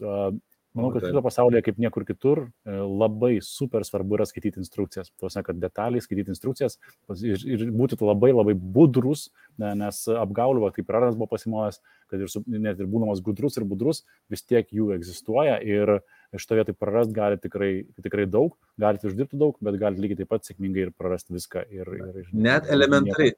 Transakcijas darydami, nepataupykit, darykit testą transakciją, pasižiūrėkit su minimaliu kiekiu, pažiūrėkit, ar tikrai nukeliauja ten, kur jūs norit nuvesti, nes ten yra decentralizacijos pasiekmė yra, kad jūs, e, jeigu pervesit ne ten, niekas centralizuotai negali atsukti atgal jūsų. Taip, dėja, dėja. Tai ką, šiandien toksai epizodas su, su tai vienas prisijungia, tai kitas išsijungia, taip toliau su pertraukom, su, su toksai on, on the go. A, ma, žinai, man visai patiko, nes... Uh, jo, daugiau dinamikos ir aš tikrai uh, manau, kad galim padaryti keletą epizodų ir, kad, tarkim, kažkurio iš mūsų nebūtų. Labai norėčiau paimti Arną Lisecką dar ir Milaną uh, pakalbinti apie, apie nes daug čia, apie mokesčius, apie mokesčius, apie mokesčius. Ir nežinau, ar mūsų visų, žinai, keturių reikia tam, kad Milaną pasakotų apie mokesčius. Tai... Nu, to mokesčius, man atrodo, dar daugiau reikia žmonių ir net VMI pati dar nežinot. ką nors iš VMI dar paimti, ne? Uh, jo, tai, tai aš manau, kad man bent jau buvo įdomus epizodas, vėl filosofinės temos apie ekonomiką, tai čia aš, žinai, kalbėti, kalbėti ir kalbėti kalbėti. Tai uh, smagu, kad grįžai į Vilnių ir ką, nu, aš tai laukiu jūsų jau Tenerifei, nes smagu būtų. Gal, gal gyvai galėsim. Man irgi labai smagu pakalbėti buvo, man netgi šitas epizodas buvo labai smagus ir uh, prieš istoriją, nes tikrai nemažai dalykų perskaičiau, uh, pasianalizavau, beieškodamas informacijos ir uh, puikiai suprantu, kiek mažai žinau apie ekonomiką, kiek mažai žinau apie viską. Atrodo, vat, kiti sako, kiek jūs ten žinot ir man kartais atrodo keista, taigi suvokit, kad mes beveik nieko nežinom. Mes esam uh, ir vat, kuo daugiau turbūt mokaisi, tuo labiau supranti, kiek mažai žinai. Tai tiesiog nerkit ir tikrai daugelis ryčių jūs galite greitai išmokti daugiau net negu mes žinom, jeigu tikrai pasinersit į tas rytis. Na ką, tai uh, ačiū tau už laiką, tikiuosi, kad tiem, kas žiūrėjo, kad buvo įdomu šiandien, tai būsim labai labai dėkingi, jeigu užsuksit į M-Insurance ir uh, tapsit mūsų klientais. Jeigu, aišku, jeigu, jeigu mes gerai dirbsim, tapsit mūsų klientais, um, kas liečia visus jūsų draudimus, tai uh, pašto varnai už laiką ir ką, nu pasimatysim kitose Ačiū tau. podcastuose irgi. Čiau. Iki.